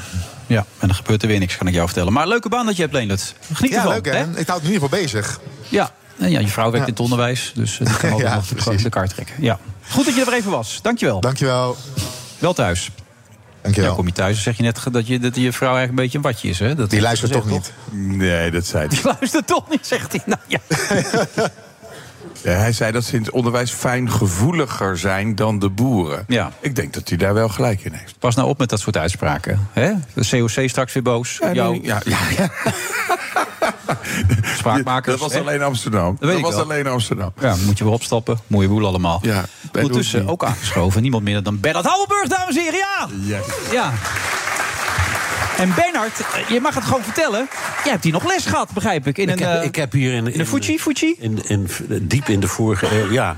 Eh, er is volgens mij nog steeds een vliegschool die met die hele mooie vliegtuigjes eh, werkt. Ja, die hele kleine. Ja. Hele kleine. Ik geloof ook dat ze elektrisch zijn. Geweldig. Ja, je kan ze zo weggooien, Maar, maar de- de- vroeger had de vliegschool, ik weet niet of die er nog hetzelfde is, maar die had Fuji toestelletjes. Dat- Ja. de Japanse Die moest je laten ontwikkelen. Nee, Nee, nee, die, flauw. wa- die waren, kijk, nee, dat waren he- hele mooie, eh, het leek een beetje eh, op een Piper met een laagdekker, dus de vleugels onder. Maar jij kan vliegen, hè? Ja. Ja. Ja. Je kan gewoon, heb je nog steeds je brevet? Nee, nu niet meer. Maar Nee? dat heb ik wel heel lang Ben je hem kwijt?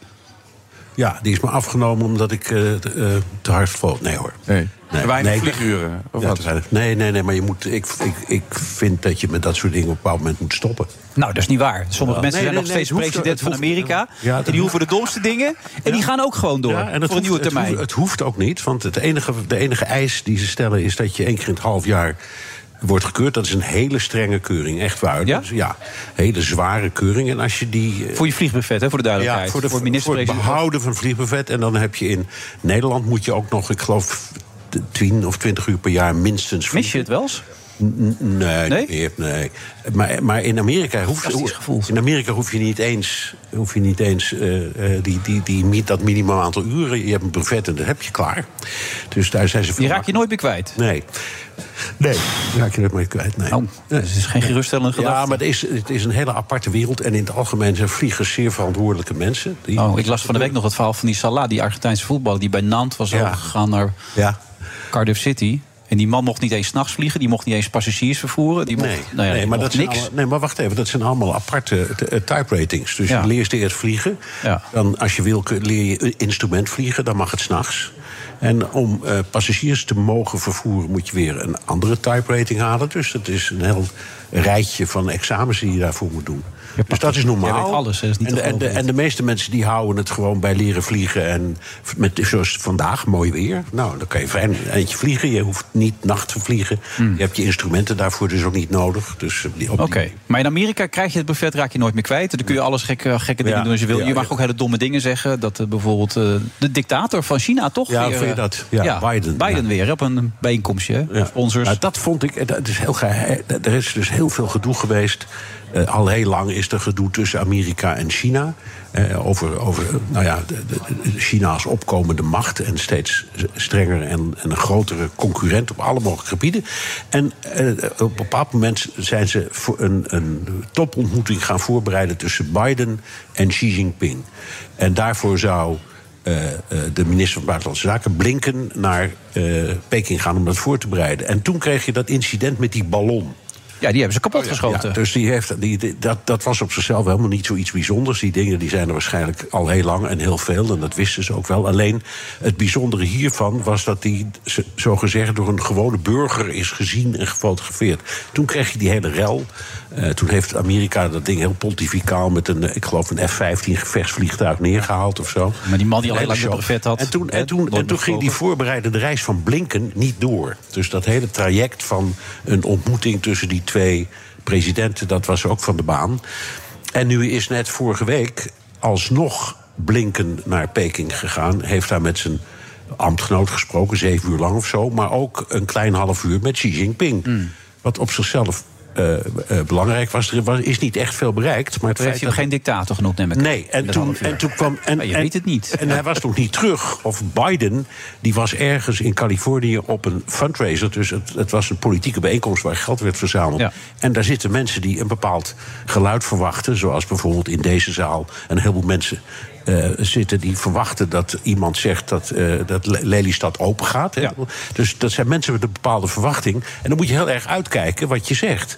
Want het, je zegt het niet alleen tegen je publiek. Je zegt het als je president wordt ook tegen de hele wereld. En daar liet hij zich ontvallen dat ze. Eh, naar aanleiding van dat eh, incident met die. eh, met die dat, de aanleiding van die, dat incident met die ballon. Dat je, aan, dat weet je. Dat je, ja, dat je, dat je duidelijk. Ja, mooi hè? is mooi, hè, dit. Ja, ik ben, ik ben-? Ik gek op vliegtuigen en ook op het geluid van vliegtuigen. Ja, welke is dit? Oh, kijk eens, een Nee, dubbeldekker. is heel mooi, is het prachtig joh. Ziet er wel goed uit die gozer dat Een hele oude. Ja, echt Mooi. een hele oude, ja. Een, een dubbeldekker, ja. En hij landt ook goed, zeg. Ja, je, kun- je kunt oh, die gozer is goed. Die heeft zijn brevet hier wel gehaald. En met de zien. meeste van die dingen kun je loepen, hè? Zo Ja. door de lucht. Maar goed, het- liet zich ontvallen hij- daar. Toen zei, toen zei eh, op, die, op die partijbijeenkomst, of die inzamelingsbijeenkomst, zei eh, Biden dus dat, je, ah, dat eh Xi eh, klaarblijkelijk helemaal niks van die ballon afwist. En voegde hij eraan toe, dat is nou typisch iets voor een dictator. Waar dat zinnetje vandaan komt, snapt niemand. Nee, zelf, hij weet het waarschijnlijk niet eens meer. Heb ik dat gezegd, zei hij later? Ja, nou goed. Ja, dat, Denk je niet? dat Ja, vriendschap Maar- gaat dat toch bij die man. Maar, maar en, en, dat, en toen kwam, kwam meteen natuurlijk in Peking ook de vlammende pan. Iedereen was woest en terecht. Dat begrijp ik ook wel. Want waar, waar haal je dit nou vandaan? Je, je mag hem bij wijze van spreken dictator vinden. Maar die feiten aan elkaar koppelen op die manier, dat is krankzinnig.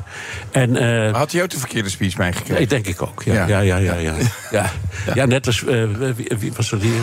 Ehm Femke Halsma, de burgemeester van die had Amsterdam. een- ja. een speech van een jaar geleden, ja, Ja, ja. ja. die Nee, had maar- de verkeerde speech meegekregen. dat is Nou, natuurlijk wel heel lullig. Nee, maar ik, ik denk gewoon dat het een zaal was die, de, de, van mensen die verwachten dat de president van de Verenigde Staten harde taal spreekt over Rusland en China. Hé, maar hij is toch ook een dictator? Je, jawel, maar goed. eh, eh, ah, nee, nee, maar wacht, Ja, even, maar- wacht even. Als dat een criterium is. Dan kun je met bijna geen enkel land in de wereld nog zaken doen. Nee, het is is nou eenmaal zo. We zijn omringd door autocraten en dictators.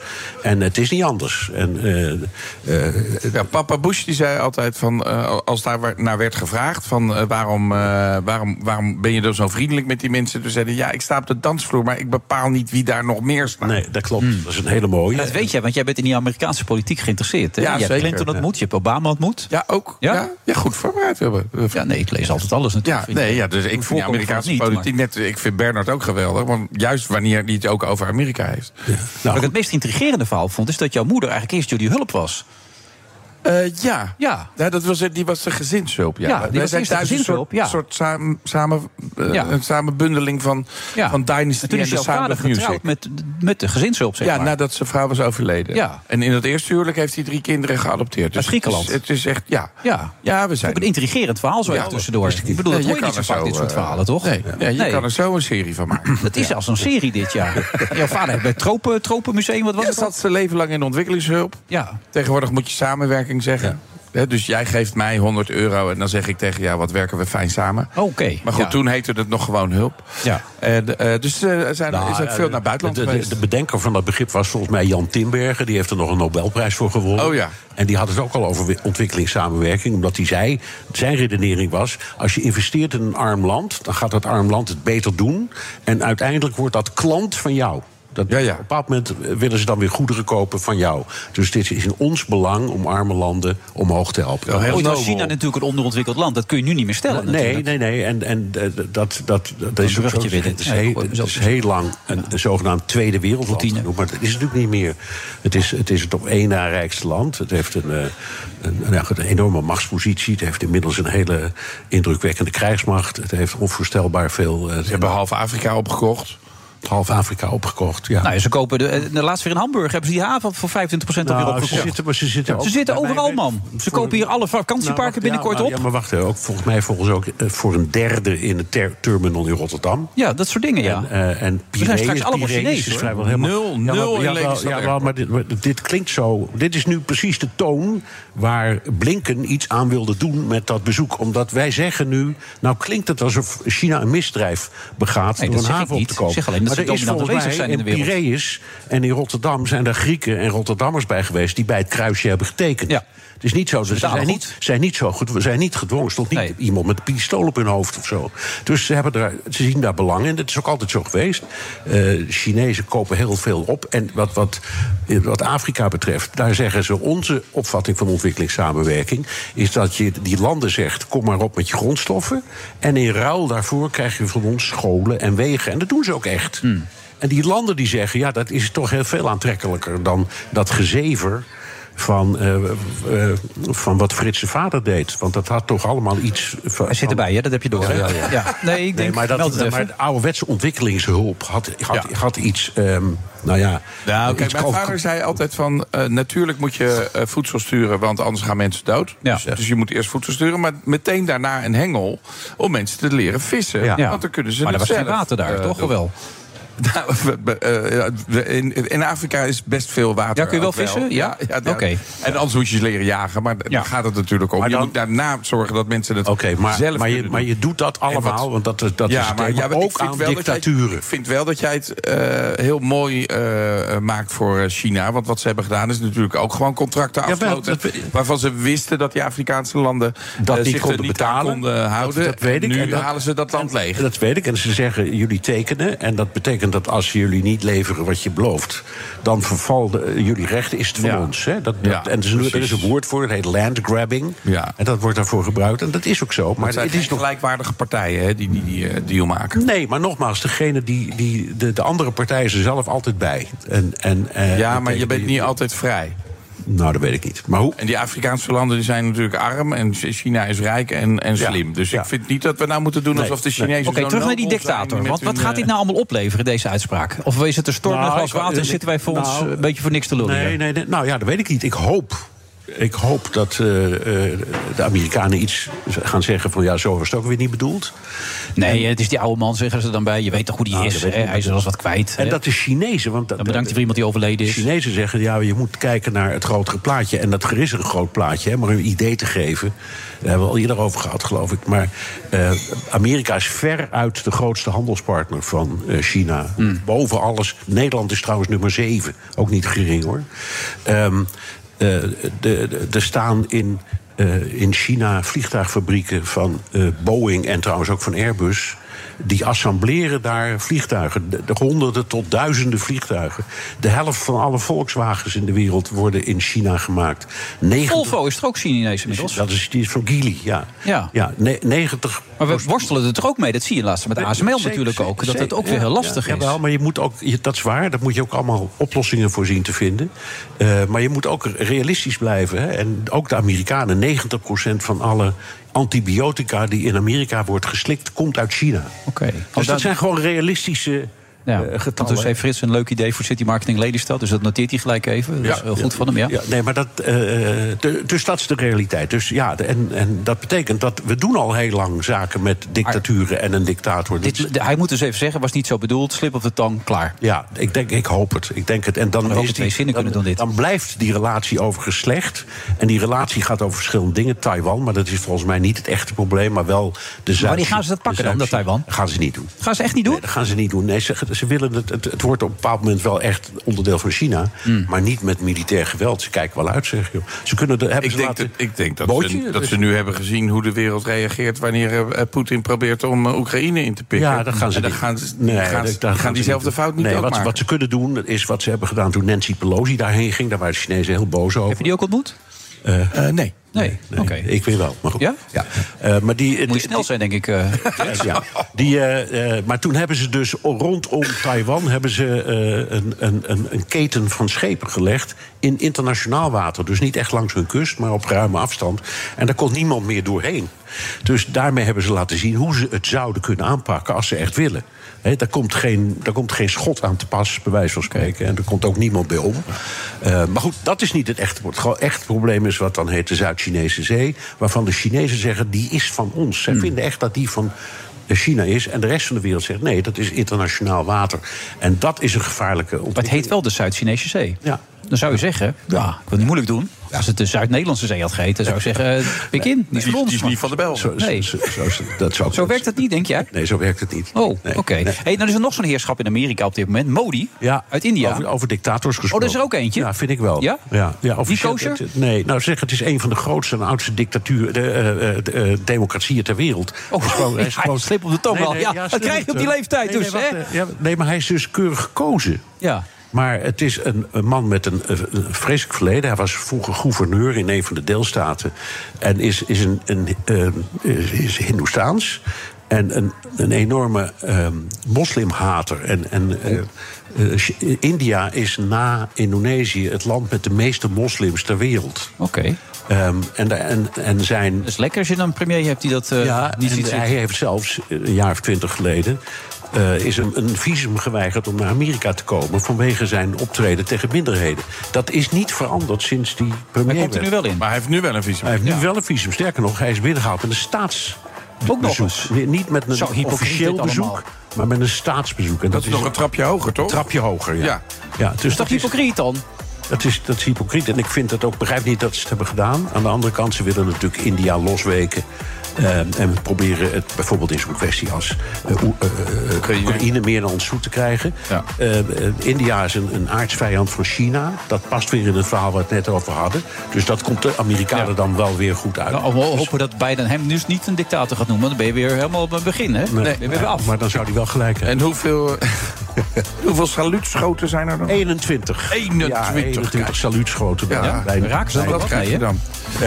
Nee. Nee, jammer hè? Tot nu toe niet. Ja. Het is wel grappig dat mijn dochter weet dat ik op de radio ben, maar gewoon groot gaat bellen. Weet je wel, Ja. maakt er ook allemaal niet uit. Hoi pap. Ja, nee, het is. eh al weer zakgeld moeten komen. Hè? Nou, het is een ontwikkeling. Ik denk uiteindelijk dat het allemaal weer overwaait. Met, eh, met, met, die, met die Xi. Denk je ook niet? Eh, eh, Nou, ik denk dat we weinig anders keus hebben. Ja. Maar je, kunt er niet zo heel veel aan doen. Hè? En, Nee. Maar het is wel leuk dat je er was. En zeker wat je hebt verteld over het vliegen. Ja, leuk. Kun je niet één keer gewoon stiekem even samen? Klein stukje? Ja, klein stuk. Ja? Gewoon niet best te ver? Stukje willen, ja. Oké. Ja. Dankjewel Bernard. Bye. Tot de volgende keer. Bij BNR ben je altijd als eerste op de hoogte van het laatste nieuws. Luister dagelijks live via internet. Bas van Werven. En heel langzaam komt de zon op rond dit tijdstip. Je krijgt inzicht in de dag die komt op BNR, het Binnenhof in Nederland en de rest van de wereld. De Ochtendspits. Voor de beste start van je werkdag. Blijf scherp en mis niets. De Friday Move wordt mede mogelijk gemaakt door TUI en Otto Workforce. We take care of our people. BNR Nieuwsradio. The Friday Move. Wat ben ik in godsnaam aan het doen? Pak je kans, eh, smeet het ijzer als het heet is. En dat is wel nu. And in my case, I took it out pretty much in a hurry. Om nu al te zeggen, in het najaar ga ik even met LTO om de tafel. Het is nu of nooit. Ik wil helemaal niet zeggen dat dat nu gaat lukken. Wilfred Almere City FC in de Eredivisie. Het klinkt bijna als een grap, maar het is echt waar.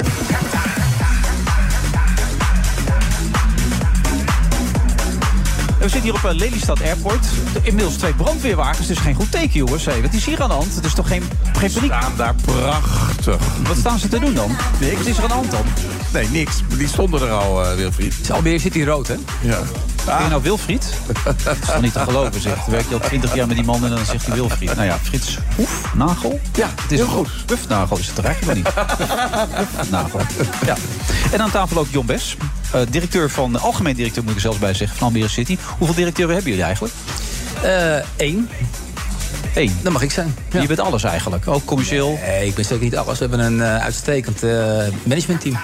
Oké. Maar er is maar één directeur? Er is één directeur. En dat ben jij? Ja. ja. Nou, ten eerste gefeliciteerd. Fantastisch Dankjewel. natuurlijk. Almere City FC. Jij bent een groot voetballiefhebber natuurlijk, Frits. Nou, ik hou, het meest hou ik van voetballers. Jij hebt je als relaties met voetballers gehad, ja? Ook spelers die wij kennen, of niet? nee. Nee? Nee. Ik kijk even of je de waarheid spreekt. Kijken wat er gebeurt. Het begint wel een beetje vast te lachen. Dus ja. Ik heb het idee dat iets anders aan de hand is. Maar eh, dit is toch fantastisch, dit? Hoe, verklaar je dit? Nou, Even als, als geen fantastisch. voetbalkenner dan. Nee, dat is, eh, het is grandioos. Het is grandioos voor de club. Het is grandioos voor Almere. Het is grandioos voor de provincie. Dus hulde. Ja, Almere, de hoofdstad van, van... Almere is de grootste stad van Flevoland. eh, en Lelystad is de provinciehoofdstad. Oh, oké. Zo werkt het allemaal. John, het, het geheim van dit seizoen... en eigenlijk misschien de afgelopen seizoen... het kwam steeds ietsje dichterbij natuurlijk, hè, de laatste jaren al. Ja, we zijn al een tijdje aan het bouwen. En eh, inderdaad kwam het, eh, kwam het dichterbij. We zijn een paar keer. We hebben eerder de finale gespeeld in, eh, van, van de play-offs in 2018. Twee jaar geleden konden we de laatste speeldag nog promoveren. Dat lukte toen net niet. En dit jaar lukte het wel, ondanks een hele matige start. Dat zijn veel mensen alweer vergeten. Maar na zeven wedstrijden stonden we zeventiende, geloof ik. Eh, maar toen merkte je wel al dat er iets, eh, iets ging ontstaan. En eh, naarmate het seizoen vorderde, werden wij eigenlijk steeds beter en beter. En ja, ons hoogtepunt, onze climax lag in de play-offs. Ja, dus die coach van jullie, die pastoor, had dat goed uitgerekend allemaal. Ja, een hele goede coach. Ja, en die kun je behouden. Die andere niet trouwens, het Wiegers Maduro, de Nee. assistent. Nee, dat Echt, hoort- De, de tactische meester hoorde ik bij een van de interviews. Toen bij de promotie, na afloop met Hans Krijk... kwam ik erachter dat hij de tactische meester was. Ja, ja, dat gaf Alex zelf aan, hè? Ja. Ja, ja dat, dat klopt ook. Dus dat was ook inderdaad de, de verdeling. En die zullen we ook heel erg missen. Zo, die ga je echt Eh, missen, ja. Maar is ook wel inherent aan, eh, ja, aan, aan sportief succes. Hè? Dan Ja. weet je ook dat, eh, dat er belangstelling gaat komen voor spelers en trainers. Ja, nee, ik denk dat dat een grote trainer in de toekomst gaat worden. Het Wiegers Maduro. Hou die in de gaten, Frits. Oh, ik denk wel eens met thee gebleven, maar die heeft die mevrouw meegenomen. Die brengt nu gewoon weer een nieuwe thee. Dat, ik denk, waar is die een luxe. Ja, ik keek even naar rechts, opeens was hij weg. Ehm, eh, jullie begroting, hoe groot was die afgelopen jaar? Eh 7,5. 7,5. Waar sta je dan in de? KKD? Nou, in de afgelopen KKD eh, Mhm. denk ik dat we daarmee eh, zevende waren. Misschien wel achtste. Met een aantal hele grote clubs natuurlijk, hè, die gedegradeerd waren het jaar daarvoor. Dus, eh, dus in dat, ook in dat opzicht een prima prestatie. Ja, en waar gaat hij naartoe? Nou, die gaat wel naar, naar 11, eh, misschien wel richting 12. Is dat wat in de Eredivisie? Nou, dan, dan, dan hoor je wel bij de, bij de, bij de groep die, de, laten we zeggen, de onderste 4, 5. Ja. Ehm, maar goed, dat is, eh, dat is ook reëel. Ja, maar jullie hebben ook een eh, g- grote geldschieter natuurlijk, toch? Die heel erg op de achtergrond blijft. Ja, toch? Ja, ja, hij wil liever eigenaar genoemd worden, maar dat, ik begrijp wat je bedoelt. En die blijft inderdaad op de achtergrond. En die, eh, die zorgt er eigenlijk voor, die fundt ons plan, laat ik het zo maar even zeggen. Hmm. Dus die fundt geen, eh, geen spelers, geen spitsen. Ehm, maar wel, eh, wel het plan, zodat we daadwerkelijk ook ieder jaar een beetje beter kunnen worden binnen en buiten de lijn. Jij weet wie dat is natuurlijk, hè? Of niet? Ik zou het niet weten. Leslie Bamberg is dat. Oh. Schoonvader ook van Frank Berghuis trouwens. Ja, van de, van de vastgoed. Ook in Amsterdam en zo. Ja, Steven Berghuis. Ja. Steven, sorry, ja, Frank is zijn vader. Die ken ik nog uit mijn tijd van Cambuur. Zo zit het altijd bij mij. Ja. Nee, dat klopt, van het vastgoed. Ja. Maar die kan er toch veel meer in steken dan? Dat zou kunnen, maar hoe mooi is dat het niet gebeurt? Dus we zijn echt een. eh, Wacht even, dat heb ik niet vaak gehoord. De directeur die zegt hoe mooi is dat dat niet Ja, gebeurt. Dat, dat, dat maakt het voor mij uiteindelijk ook natuurlijk alleen maar leuker. Kijk, we zijn, eh, Almere is een, eh, is een jonge stad, net zoals Lelystad dat is. En we willen de club echt van de stad maken. En dat heeft alleen maar zin als je dat, als je dat fundament gaat bouwen. Dus, dus, dus jaar na jaar kijk, ja, komen er meer toeschouwers, groeit die latente achterban. En, en daarom vinden we gewoon dat, vindt hij dat plan. Ja. En, eh, en daar halen we veel meer lol uit dan. eh, ja. Waarom doet hij dat eigenlijk? Wat heeft hij met die club dan? Nou ja, goed. eh, Hij, hij bij toeval is hij, is hij bij die club betrokken geraakt. Maar hij reed een keer langs of zo? Of wilde hij een stadion nee, kopen? Of? Nee, zo niet. Maar, eh, ik ook- probeer me dat voor te stellen hoe je bij wie toeval dat vroeger in Almere City pyjama's liep. Hè, dat, Nee. dat ook weer niet. eh, Zijn die er? eh, en, en toen niet, want Nee. Almere City bestond niet. Dus Nee. eh, die waren echt uniek geweest. Nee, eh, hij, eh, gewoon met een zakelijke deal raakte hij daarbij betrokken. Eh, Ver voor mijn tijd. Ja. Heeft hij een tijd lang met die club, eh, nou, ik zou bijna zeggen, onder zijn arm gelopen. Wat, wat gaan we daarmee doen? En uiteindelijk daarmee eh, daarin doorgepakt. Eh, ik ben betrokken geraakt. Ik heb een plan geschreven. Eh, hij vond dat een eh, mooi plan. Eh, dat zijn we gaan uitvoeren, stapje voor stapje. Ja. En, eh, en Maar klopt dit? Wat, tot- zit je op schema dan voor jouw plan? Of is het sneller gegaan dan je dacht? Of? Nou ja, kijk, eh, het komt er eigenlijk op neer dat, eh, dat we grip willen krijgen op een ongrijpbare wereld. En, wat, en daarmee. Dat vind ik een mooie. Ja, Dat is een hele en er mooie, zitten twee ja. hele belangrijke elementen in. hè. Dus de onderkenning dat, dat onze wereld ongrijpbaar is. Noem het maar even het bi- binnenkantje paal erin eruit fenomeen. Zeker weten. Eh, en aan de andere kant zijn er natuurlijk wel degelijk heel veel KPI's eh, die je wel kan pakken. Simpelweg omdat we ook gewoon een bedrijf zijn. We zijn gewoon een, een, een MKB-bedrijf. Dus allerlei commercieel, eh, marketing en maatschappelijk gerelateerde KPI's kunnen we wel degelijk ieder jaar halen. Hmm. En wij hebben geen enkele excuus in Almere bij zo'n jonge club in, in, in, in zo'n snel groeiende stad om op welk, welk gebied dan ook slechter te worden. Dus op het moment dat wij al die grijpbare KPI's ieder jaar maar weer halen, vergroten we onze omzet, vergroten we het spelersbudget en vergroten we de kans op sportief succes. En, en dat is hem. En we zijn hartstikke afhankelijk van wat er verder in de keukenkampioen-divisie gebeurt, eh, gebeurde, ook qua concurrentie. Eh, pech, geluk, eh, trainers die wel of niet eh, eh, aanslaan. Ja, Eh, Alté. Sorry, ik het even mij. ja, dat zit mijn ik kan me systeem. voorstellen Ja. dat, eh, dat het pijnlijk voor je is. Ja. Maar, eh, maar goed, eh, uiteindelijk, eh, uiteindelijk heeft dat geleid tot een club die, ja, die steeds een beetje beter wordt. En nu ook dan, ja, gelukkig ook sportief gezien, de beloning daarvoor krijgt. En als je dan het eerste jaar er weer uitvliegt, past dat ook in het plan? Of is het nu echt wel de gedachte... Nou, het staat niet in mijn plan dat we er nu weer uit moeten vliegen.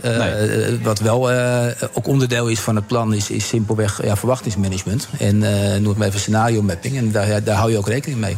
En dat betekent dus ook nu dat ons stadion niet nu in één nou keer van- scenario mapping, zei dat echt? Ja, ja, ik ben een autist, dus ik heb allerlei... eh, ik heb allerlei eh. Ik proberen overal rekening mee te houden. Ja. En dat zie je onder andere ook in de stappen die we nu maken. Dus ons stadion gaat nu niet opeens naar 20.000. Ook al zou dat misschien op dit moment hè, bij wijze van spreken kunnen. Dat is, dat is geen, dat, dat Maar je zeg hebt ik niet, maar 4.500 mensen die erin kunnen. ja, dat weet ik. Maar je geeft zelf ook aan, je zou ook weer kunnen degraderen. Hè. Dus, eh, dus, dus ons stadion zal echt wel groter worden in de loop van het seizoen. Daar zijn we hard mee bezig. Maar wel weer reëel. hè, Dat, dat, dat we in ieder scenario uiteindelijk ook gewoon ons Maar dat zijn toch ook gewoon inkomsten? Het zijn niet alleen maar kosten. Het kost natuurlijk, het uitbreiden kost geld, maar daarna kan je toch ook meer mensen binnen. Zeker, Frits. Maar dat zou dus, hè, dus we zouden nu op dit momentum zeg maar, zouden we, zouden we kunnen uitbreiden. En dus als we, op de, als we puur naar de korte termijn kijken, dan zeg je ja, nu pakken wat je pakken kan, alles uitbreiden, allerlei sponsoren binnenlaten. En we zien wel verder, verder hoe we dat gaan doen. Tegelijkertijd, eh Wilfred gaat ook al aan, je zou ook weer kunnen degraderen. En dan moet je nog steeds bestaansrecht hebben. En als je dan in een kolos van een stadion speelt en, en, en er zitten dan maar weer 3000 mensen. Ja, dan is de sfeer er weg. Dat doen we niet. Maar hoe, je kan er een ring op zetten of zo. Dan, wat ga je dan doen? Hoe kun je hem groter maken? Of hoe werkt dat dan? Ja, je zou, je zou hem graag. Ja, we hebben donderdag pas die, eh, die meeting, dus dat kan ik je, dat kan ik je niet vertellen. Los van het Donderdag pas de meeting? Mijn- Dat staat toch in jouw plan? Ja, maar de, de manier waarop, als je dat niet erg vindt, daar bemoeien we ons niet mee. We hebben heel veel partijen om ons heen die, eh, die daar verstand van hebben. Ja, vastgoedjongen, die weet er ook alles van. Ja. Daarom. Dus dat uh, reken maar dat dat, dat dat wel goed komt. En de gemeente moet uiteraard meewerken. Had je niet veel liever citymarketing voor Almere gedaan? Dat was een appeltje eitje geweest. Nou, Almere die is eh, heel goed bezig met zijn city marketing, Hmm. to be honest. Eh, en als je ook kijkt naar hoe zij zijn gegroeid, is dat op een hele slimme manier eh, gedaan. Wat zou je daarvan kunnen adopteren dan? Nou, daar kan je als Lelystad bijvoorbeeld van leren inderdaad. Van, hè, waar Wat ga zou je je daarmee kunnen doen bijvoorbeeld? Noem een voorbeeld even. Nou, als voorbeeld, eh, Almere is natuurlijk echt de uitwijkhaven van Amsterdam. Hè, Zo is het eh, eh, begonnen. Ehm, en ze hebben heel slim eh, hebben ze gebouwd, niet aan de Amsterdam-kant, maar juist aan de Lelystad-kant. Want als je aan de Amsterdam kant was begonnen, had daarna niemand meer aan de Lelystadkant willen wonen. Nou, dat vind ik een manier van denken. Dan denk ik, oh, daar is echt over nagedacht. Dat is eh, eh, slim. Nu lopen ze er een beetje tegenaan dat ze willen nog wel eh, groeien, maar ze zitten met de verbindingen. Hè, hoe zit het met de ontsluiting? Dat probleem heeft Lelystad niet. Want Lelystad is van alle kanten heel erg goed toegankelijk. En nou, zo heeft elke stad weer zijn eigen uitdagingen. Oké. Ik denk dat Frits een hele goede marketeer voor ons zou zijn. Want? Dat is wel grappig. Nou, ik heb Frits één keer eerder eh, ontmoet, 15 jaar geleden denk ik, op een beurs. En toen had ik een, eh, had ik een evenementenbureau. En een label had ik ook met Raymond Sluiter en John van Lottem. Een, een tennisbedrijfje.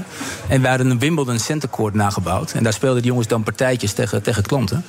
En Frits die, eh, was door Den Haag ingehuurd om dat platform zeg maar, aan de man te brengen. En, eh, en ik gaf commentaar, eh, versterkt uiteraard door die wedstrijd. Ja. En Frits ging steeds harder Den Haag verkopen. Eh, oh, oh, Den Haag zingen.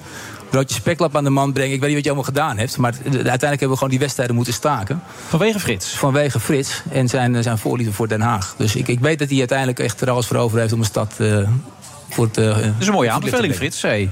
Die kun je in je zak steken. Ik zal het zo met de wethouder ook bespreken. Weet je het nog? Ja, die in de tas zitten natuurlijk. Geweldig, ja.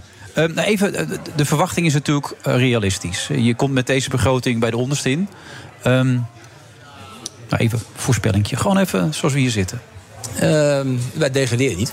Handhaven, ja. Dat is zeker. Dat durf je hier te stellen. Dat is je wijn hoor ik net eh, hebben met GroenLinks al geregeld. Vroeg je nou serieus, is dat zeker? Een man die de voetballerij Nee, nee, maar gewoon, je, Nee, je, je komt heel niet- stellig over nu. Nee, dat, dat is niet zeker. Alleen ik denk wel dat wij een, eh, een hele goede basis hebben gelegd om ons te handhaven. Laat ik maar zo zeggen. Oké, en nieuwe sponsors ook? eh shirt sponsors allemaal? Echt eh, achter elkaar, buiten over elkaar heen. Ja? En welke wordt het? In de, de, qua shirtsponsor? Eh, dat is een, eh, een bettingpartij. Kan dat eigenlijk nog? Tot wanneer kan dat precies dan? Tot 2025. Oké, dus dat kan nog. Ja. Oké, en mag je die noemen of mag je die niet noemen? Ja, dat is One Casino. Oké, nou, gefeliciteerd. Dankjewel. Ze spallen hem over elkaar heen, dat is toch mooi? Ja. Dat is weer een ander dan van VI, toch? Dat is Bad City. Ja, precies. Ja. Maar ik weet niet of ik dat mag zeggen, want ik ben bekende Nederlander... en ik mag niet geassocieerd worden met een... Ik was ook heel voorzichtig bij mij, maar je verbaast me, de, je verrast Ja, me dat ik dat mag mezelf ook Dus, over. eh, Maar ik zit nu bij BNR. Dus ik zit niet op dit moment bij SBS, toch? Nee, dit is, nee dan Nee. zit ik goed. Nee, dan kan mij niks gebeuren. Dan ben ik Mag ik er nog een paar bezig. Ja, jij mag gewoon doorgaan. Ja, ja, lekker door. Hey, hartstikke mooi, man. Almere City FC in de Eredivisie. Het klinkt als Jackie in de Wonderslof eigenlijk, als je het zo hoort. Ja, zo voelt het ook nog wel even. Ja. Nou, geniet ervan, John. Dankjewel. En, eh, Succes vooral. Ja, veel succes. Dank jullie beiden. En over twee jaar dan weer tegen Cambuur. Niet in de KKD, maar gewoon weer in de Eredivisie. Daar teken ik voor. Ja, oké. Dankjewel. Dank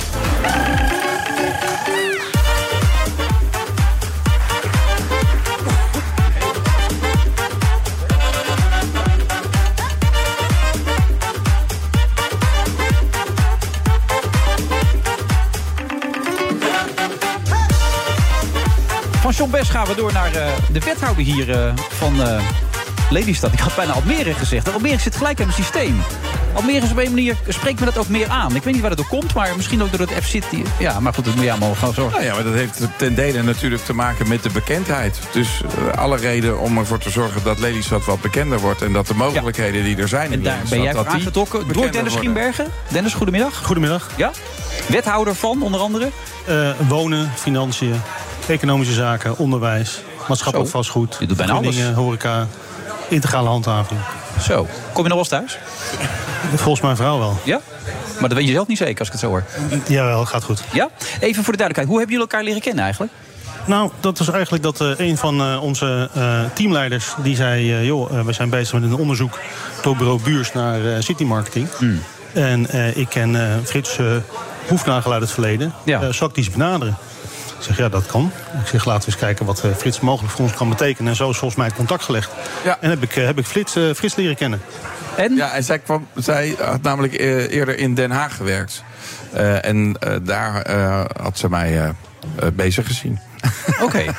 Want het is op zich best opmerkelijk, toch? Dat je een, een, een city marketing bureau van buiten de stad had, toch? Eh, ik bedoel, de, de- vanuit Amsterdam notabene nog, toch? Nou ja, kijk, eh, je- we zijn eh, aan een groeiambitie eh, hebben, we, hebben we geuit als Lelystad. Ja. We willen met eh, 40.000 eh, woningen groeien. Daarnaast hebben we natuurlijk een economische opgave. Want als je woningen bouwt, moet je ook zorgen dat er een economie tegenover staat. Er moeten ook banen zijn. Ehm, tegelijkertijd hebben wij natuurlijk de ambitie, als je dan gaat groeien... dat je ook mensen van buiten naar je stad wil betrekken. En ook je ambassadeurs, de mensen die in je stad wonen... dat die trots zijn op je eigen stad. Daar moet onderzoek voor plaatsvinden. Hoe doe je dat? En tegelijkertijd willen we graag gespiegeld worden... door een ervaringsdeskundige. En dat is Frits. Ja. Hij doet één stad op dit moment. Hè. De rest van Nederland doet hij niet, maar hij doet één stad op dit moment. Hij Lelystad. doet de mooiste stad van Nederland, Lelystad. Ja, dat zou ik ook zeggen in jouw geval natuurlijk. Maar ik, ik kreeg nog zo'n stukje artikel op verzoek naar Trots van Lelystad. Jullie hadden wel een city marketing hier, zag ik. City marketing Lelystad zie ik hier staan. Wij hebben een, eh, wij hebben een lokaal eh, zelfstandig bureau wat ook dit soort dingen doet. Eh, maar wij hebben gemeend, als we kijken naar de grote groeiopgave... dat wij toch ook een, een formeel ander bureau willen benaderen voor het onderzoek. En die keuze is gemaakt. Oh ja, want er was in 2022 toch ook nog een doelmatigheidsonderzoek naar dit bureau gedaan. Dat was toch heel positief uitgevallen? Ja, wat je in veel gemeenten ziet, is dat ze eh, een, een city eh, marketingbureau... Dennis, ja, ga door. dat, ze, dat ze die eh, buiten de gemeente hebben geplaatst. In Lelystad was dat nog niet zo. eh, is dat nu eh, eh, ook gebeurd. Ja. En dus blijft Lelystad eh, Marketing wel gewoon actief, gelukkig. Dus die organiseren evenementen en eh, dergelijke. Maar zijn niet meer, hebben ook niet meer alleen de gemeente als klant. Nee, nee. nee omdat ik las dat artikel. Janneke Sparreboom, die is ook van de VVD, toch? Of niet? Ja, was voorganger. Ja, was jouw voorganger inderdaad. De Die, die had toen een onderzoek laten doen en die was wel tevreden erover. Die wilde eigenlijk nog twee jaar doorgaan met deze City Marketing Lelystad. Maar dat ging het eigenlijk niet door. Alleen D66, GroenLinks, ChristenUnie, Jong, Lelystad en Denk waren er nog voor.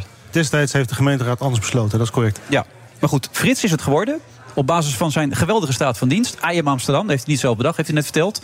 Maar het, het is wel een enorm doorslaggevend succes. Een unaniem doorslaand succes, zou uh, Ivonie hebben gezegd, toch? Eh, ja, Ja. de- de- en, en eh, die- kan dat ook op zijn eigen wijze heel erg mooi zeggen. Maar dat is absoluut een succes geweest. Net zoals dat Den Haag, internationale stad van vrede en recht, dat is. En eh, wat, ik je, wat ik je eerder al zei, het leuke van city marketing is... elke stad is weer anders. En dit is een heel ambitieus college. Grappig hier in Lelystad is ook... het zijn niet allemaal coalitiepartners, maar ze hebben een raadsakkoord. Dus ze hebben met de hele gemeenteraad... hebben ze eh, eigenlijk afgesproken... wat zijn nou onze eh, ambities. Dus dat is ook heel eh, mooi om te zien hoe dat college samenwerkt... hoe die weer samenwerken met eh, de raad. En eh, ik weet zeker dat... jongen, dat jongen, allemaal- jongen. allemaal je zit echt tot je elleboog in, hè?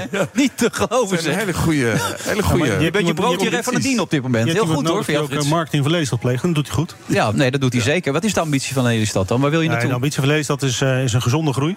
En, eh, een bod gedaan aan het Rijk voor die 40.000 woningen. Dus een eh, vergroten van je stad. Want hij zegt dat je hier veel makkelijker kan bouwen dan in de rest van Nederland. We hebben, we hebben ruimte, maar tegelijkertijd, wat ik al zei, als je bouwt, eh, je kunt woningen bouwen, maar je moet bouwen aan een samenleving. En bij een samenleving horen ook voorzieningen, er horen ook banen bij.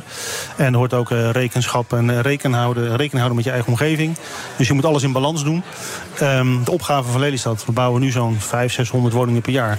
En eh, we moeten naar een productie van tussen de 1000 en de 1400. Dat is een grote opgave. Ehm, Maar dat nou is technisch mogelijk, ook met het stikstofbeleid van dit moment en de problemen die Nou ja, daaromheen hangen? je, hebt natuurlijk overal eh, de, de, de, keurige berekeningen die erop gemaakt moeten worden hè, voor de projecten. Dat is nou eenmaal de uitspraak geweest en die volgen ook netjes. Dus eh, wij hebben gelukkig heel dichtbij, hè, directe omgeving, geen eh Natura 2000 gebieden die daarbij be- belasting ervaren. Natuurlijk wel het naar de meer en ook naar boven toe de weer hebben en dergelijke. Maar niet directe omgeving. En wij denken als we kijken naar de toekomst dat wij dat, dat met elkaar voor elkaar kunnen krijgen. Oké, dan bouw je dus huizen, maar er moeten ook nog mensen in willen wonen. Zeker. Nou, kijk om je heen. Hier wil je toch wonen? Ja, maar je preekt voor eigen parochie op dit moment. Dat is een beetje lastig. maar ik bedoel, nou, nodig je ook uit om, om, om een keer te komen kijken. Ik, ik ken wel leden. Ik heb het net verteld, dat beeld dat er in het centrum staat bij het gemeentehuis. Dat weet ik helemaal niet vrolijk van, dat op die hele hoge sokkel. Maar... Nee, maar ik, ik ben al blij dat, dat je het hebt opgemerkt. Want de meeste mensen zien alleen maar een sokkel. Ja. Maar, de, nee, maar de- nou, je hebt natuurlijk helemaal gelijk. Als je wilt groeien, dan moet je hebben dat mensen hier willen wonen. Ja. En mensen willen pas ergens wonen op het moment dat ze het kennen. En ik denk dat Lelystad nog behoorlijk onbekend is bij veel mensen. Eh, maar dat er wel veel mensen op zoek zijn naar een eh. Ja, woning. En dat zijn pioniers, die En willen graag hier dat- wonen. Nou ja, die pioniers die... Ja, nee, maar het is een pioniersgeest. Dus Ja, dat is door- voor ja, mensen die zichzelf als pioniers... De zien. nieuwe pioniers. Ja. de nieuwe pioniers. Maar als die dan hier komen en ze komen erachter dat er een huis is ehm, eh, eh, conform hun wensen. Hmm. En als ze erachter komen dat dat in de buurt van groen is en dat ze aan het water. En het prijsniveau eh, is ook nog... eh, Het prijsniveau is wel acceptabel en daarbij, en dat is wel is vermeldingswaardig. eh, wij hebben eh, mensen die vanaf 1 januari 2021 zijn komen wonen, tot en met zeg maar maart eh, eh, 23, die hebben wij een uitvraag gedaan. En wat zien we op die 1800 eh, eh, uitgevraagden? Dat ze louter positief zijn over waar zij nu zijn komen wonen als vestigers van buiten de stad. Ja. Dus het is uitermate interessant dat mensen de beleving van groen en blauw, hè, water en groen en ruimte, en vooral natuurlijk ook prijsniveau, eh, dat ze dat bijzonder waarderen. Maar dat moet dus nog wel bekend worden. Dus het is bekend bij de mensen die hier nu wonen. Die zijn er tevreden Ja, dat over. zijn je belangrijkste ambassadeurs ook. hè? Ja, dat zijn je ambassadeurs. Maar je moet het nu wel gaan vertellen. City marketing begint altijd bij stadstrots. Hè? Een wethouder die kan de hele wereld over reizen. Ja, Fantastische nee, maar als de campagne het niet vinden, dan het Uiteindelijk moeten de bewoners die moeten op een verjaardag zeggen... ik woon daar zo fijn. Waarom heb je eigenlijk drie brillen bij je? Ik zie Eh, opeens een drie brillen zonnebril, liggen. een leesbril en eh, deze is voor veraf. Oké, drie brillen, dat is best veel. Ehm, eh, voor hoe lang hebben jullie een contract afgesloten?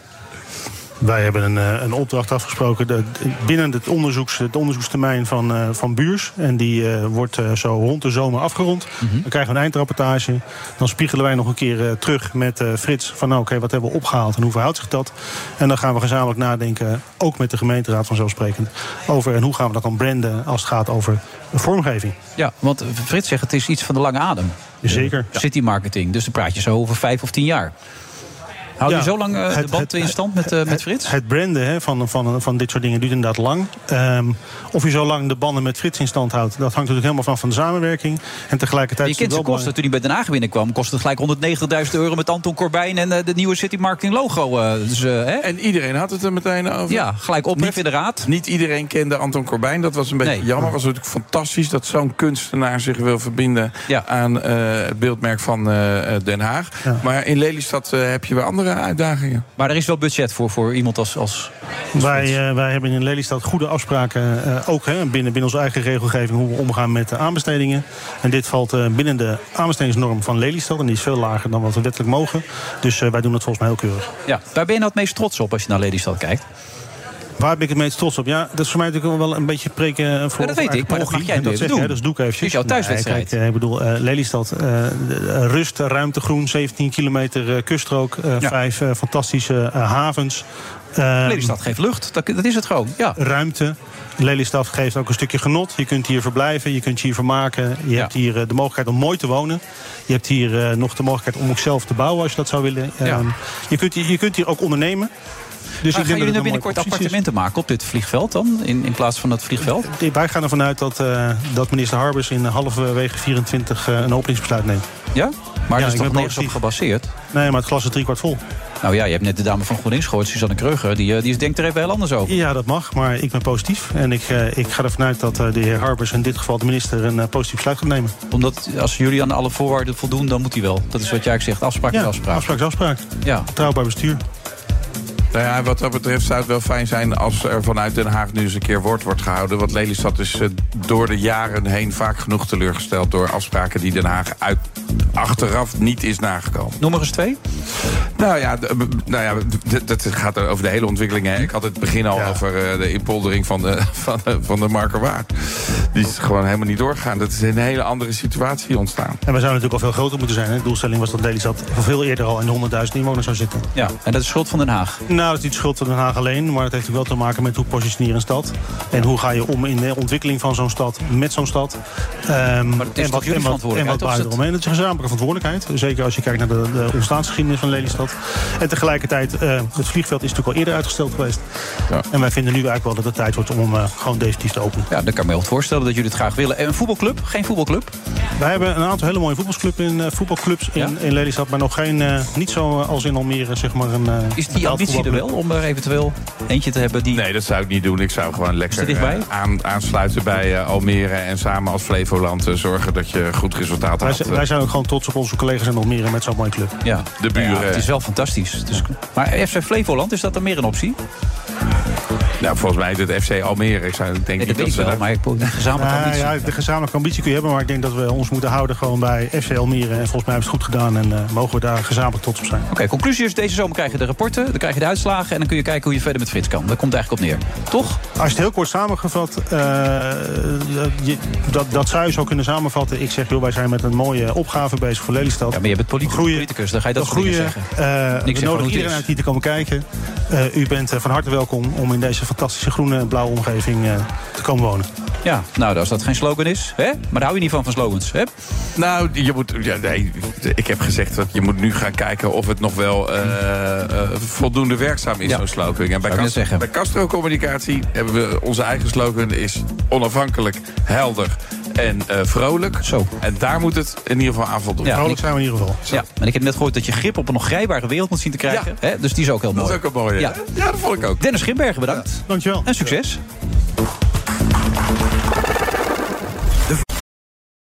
Ook Bas van Werven vind je in de BNR-app. Ja, je kunt live naar mij en Iwan luisteren tijdens de ochtendspits. Je krijgt een melding van Breaking News. En niet alleen onze podcast Ochtendnieuws, maar alle BNR-podcasts vind je in de app. Download nu de gratis BNR-app en blijf scherp. De Friday Move wordt mede mogelijk gemaakt door Otto Workforce en TUI. Live happy. BNR Nieuwsradio. Laat ik zeggen dat het een respectvolle sfeer was. De teleurstelling en de desillusie is heel groot. Ja, ik voel me verweest. Ik voel me... Ja, ik, heb, ik heb de deur achter me dichtgeslagen. En dus is het goed om rustig te blijven. Wilfred Genee. Met alweer het laatste half uur van deze uitzending vanaf eh, Airport Lelystad. En nog steeds in deze normaal gesproken verlaten wachthal. Heel veel mensen, dat is ook wel eens leuk om te zien natuurlijk. En zo zou het er eigenlijk in de toekomst uit moeten gaan zien. Maar ja, de grote vraag is, gaat dat ooit gebeuren? Er is al een flesje wijn opgezet vandaag door de directeur, de CEO van de Transavia... en de dame van GroenLinks, Suzanne Kreuger. Wat, wat zou jij zeggen? Wat is jouw verwachting? Eh, Frits Hufnagel? Ik zou, uh, Wilfried, ik zou uh, een hele goede fles wijn zetten op wel open. Maar dat komt omdat je belangen hebt. Als je nou even al je belangen overboord gooit... dat je niet betaald wordt hier door deze provincie of door de stad... maar gewoon vanuit niets. Dan zou ik een nog veel betere fles wijn zetten op wel open. Ja? Ja. Op basis van? Nou ja, omdat als je nou iets wilt doen aan het klimaat... dan is het toch logisch dat je zegt... Van, dan nemen we een duurzame luchthaven... Eh, laten we hier dan een paar eh, vluchten komen... en die haal je elders weg... En, en als je echt iets wil doen aan het klimaat, dan, dan dat, dat bereik je niet door te zeggen van en deze airport mag niet open. Dan, dan moet je hele andere maatregelen nemen. Hmm, Oké. We hebben nu tafel, aan tafel Martijn Manders, onderwaterarcheoloog bij de Rijksdienst voor het Cultureel Erfgoed. En professor ook nog eens een keer aan de Universiteit van Leiden. Dat is niet mis, hè? Ongelooflijk. Mag ik toch gewoon Martijn zeggen? Ja, doe maar ja? gewoon. Wat denk jij, Martijn, als je er een fles op zou moeten zetten? Gaat die open of Nou, niet? ik, ik zou ook zeggen ja. Ja? Uh, en uh, dat heeft te maken met de ruimte. Hier heb je de ruimte. Uh, dat heb je bij Amsterdam niet, nee. niet meer. En ik denk dus, dus dat dat uiteindelijk, als er problemen te groot worden bij Schiphol, dat het dan hier wel. Als het echt overloopt, zeg maar, die emmer, en die loopt al behoorlijk over natuurlijk, op allerlei manieren. Precies. Dus ja, ja misschien Gaat heel gebeuren. even wachten. Ja, dus Lelystad krijgt uiteindelijk toch een airport. Die is er al, maar ja, daar kun je nog niks mee doen op dit moment. En je hebt hier natuurlijk met veel plezier gewoond ook. Jij kent het hier een beetje. Ja, zeker. Ja. Ja. Ja, het Nederlands Instituut voor Scheeps- en Onderwaterarcheologie uh, Hmm. zat er bij het Batavialand. Tegenwoordig is het uh, Batavialand er. En, en de Batavia, hè, die er Ja. ooit gebouwd is. Hoe vond je het hier toen je hier woonde? Ehm, Eerlijk, hè, nu? Ja, nu moet ik heel eerlijk zijn. Dus daar was ik heel even aan het nadenken. Ja. Ik, ik kwam hier op mijn eh, dertigste. En Ja. toen ehm, eh, vond ik het eenzaam. Eh, ik kwam van buiten, ja, dat kan je ook zeggen. Ja. Maar ik kwam van buiten Doods. af. Dat is belangrijk, want ik, heb, eh, ik ken heel veel mensen die met ontzettend veel plezier hier. eh, hier Je probeert er recht te praten, dus een politicus Nee, maar dat is niet ja, nodig. ben ik Ja? ook. Nee, hoor. Maar dat is, nee, dat is echt serieus. Heel veel mensen met heel veel plezier die hier woonden. Ik speelde ook volleybal. En, eh, Kan dat hier in Lelystad, ja? eh, dat Oh? kan je ook. Ja, er zijn heel veel sporten die, eh, die je kan doen, eh, kan doen. Maar ik was inderdaad van buitenaf kwam ik. En ik, ik voelde me daar. En ik was in mijn eentje. En ik had een bungalow. Dat was al heel, heel bijzonder. Op Je mijn Hmm. eentje in de bungalow? En, ja, dan kon je toch hele mooie parties geven dat en leek, zo? Dat leek me fantastisch, maar dat was het toch niet. Nee, Nee? Die tuin onderhouden was al een eh, crime. Maar eh, nee, dus... eh, Dus je zat eenzaam in je bungalow, ongelukkig te zijn. uiteindelijk, eh, uiteindelijk ben En ik... toen ben je teruggegaan naar Leiden. in, eh, ik ben naar Amersfoort gegaan. Amersfoort, Ja. bij de Kei. Bij de Kei. Oké. Maar je bent geboren in Leiden. Nee, nee, nee. Ik ben, Hoe kom jij bij Leiden dan nu? Nou, omdat die eh, universiteit? universiteit daar eh, werkt, weet je wel, de heb ik wel professor. jaren gewoond hoor. Dat uh, Ja. Ja, ik ben geboren getogen Leiden. Ja, net als Rembrandt, hè? Net Op dezelfde dag. 15 juli. Oh, ik lees alles. Och man, ik hou echt alles bij van die gozer. Maar Amersfoort is een stuk beter, begrijp ik? Ik, eh, ja, ik vind eh, Amersfoort een fantastische stad. Heel centraal gelegen, klein. Een beetje zoals Leiden ook. Centrum Eh, mooi, hè, met dat water Een zo. heel mooi, eh Ja. eh, fijne Mooie kerk zo, ja, eh, mooi plein. Goede ja, restaurantjes. Je, je kent het, precies. Gewoon om de Het is- hoek. Het is geweldig. Ik weet hoe het zit. Maar even, zou je ooit teruggaan naar Lelystad dan? Eh, ik woon eh, heel fijn in Amersfoort. Ja. ja je doet wel, hij doet het netjes. Hij is diep ongelukkig geweest hier. Wat ga je eraan doen, eh, Frits, als je dit hoort? Niet iedereen is hier gelukkig. Nou, ik heb net het hoop- verhaal van Dennis gehoord. Dit is geen aanbeveling. Ik mag eh, eh, hopen dat wanneer iemand nu op zijn dertigste naar eh, Lelystad eh verhuist... Moet hij niet in een bungalow in zijn eentje gaan zitten? Nou ja, dat is denk ik niet afhankelijk van Nee. de plaats. Maar dat is sowieso misschien niet het meest slimme eh, eh, Nee. om te doen... als je van een beetje gezelligheid houdt tenminste. Als je het heel rustig wil hebben, dan moet je vooral... Oh, je van gezelligheid, hoor? In Ik ben een bungalow gezellig. Ja, dan zit je Ja, helemaal precies. Dus daar, Ja. daar kan ik me wel iets bij Hebben ze inmiddels cafés en zo ook? En uitgaansgelegenheden? Zeker wel. En je hebt natuurlijk eh, je hebt de Lelystad zelf met de bioscoop en de theater. Eh, je hebt Batavia-stad. Dus er is echt wel eh, veel te doen. Maar eh, er is ook nog veel wat gedaan moet worden. Ja, en daar moet jij een tijdje door, hè? Uurtje factuurtje, hartstikke leuk. Maar Martijn, je komt voor iets minder leuks. Eh, Zeker, een triest verhaal ook. Je zei net toen je ging zitten in de reclame van... Nou, we gaan er lekker eh, positief uit. Er was nog steeds tot gisteravond een beetje hoop. Op de mensen die in die duikboot zaten... die op weg was naar de Titanic. We weten inmiddels hoe het afgelopen is. Hij is geïmplodeerd. En ehm, Belangrijkste, was je verrast toen je dat hoorde of had je meteen door het zat? Nee, ik was niet verrast. Dat was, dat was ook het eerste waar ik aan dacht en waar, eh, waar heel veel mensen aan dachten. Om eh, 1 uur en 45 minuten eh, eh, werd de verbinding verbroken. Ja. En toen hoorde men niks meer, maar kon, kon men ook niks meer zien. Hè. Dus men was het, eh, het, eh, de submersible kwijt, kwijt. Eh, dan ga je als eerste daaraan denken. Want je moet echt aan enorme krachten denken. Ehm, en dan hoor je, hè, dus, dus die van buitenaf zijn 400 bar, bijna Ja. 400 bar. Dat is, eh, dat is een eh, 4 miljoen eh, kilogram per vierkante meter. Zo. Dus dat is, eh, dat, dat is gigantisch. Dus Ja. dan ben je, dat is ook, ook, ben je ook in één keer dood. Hè? Dus, Dus je wordt in één keer plat ge... ja, dat is in één keer, keer, in één keer klaar. Dat is, het klinkt heel gruwelijk, maar misschien is het wel de beste, je beste wat je kan, eh, kan hebben. Ehm, maar dus daar dachten we wel in eerste instantie al aan. Alleen, en dat is dan het, ja, misschien toch toch wel het mooie van ons. Hè. Ieder- Iedereen krijgt op een gegeven moment wel hoop. Of, of Hmm. je wil je eigenlijk vasthouden aan hoop. En ik, ik kende deze mensen niet. Maar toch hoop je dat er, dat er, dat er zo'n, zoiets ontwikkelt als hè, dat je op het laatste moment eh, toch nog, Ja, eh, toch nog gevonden wordt. Wat ze in 1973 bijvoorbeeld wel hebben gehad. Hè. De Pisces 3 die is toen in de Ierse Zee gezonken. En naar bijna 500 meter diepte. En die, hebben ze toen, die mensen hebben ze gered.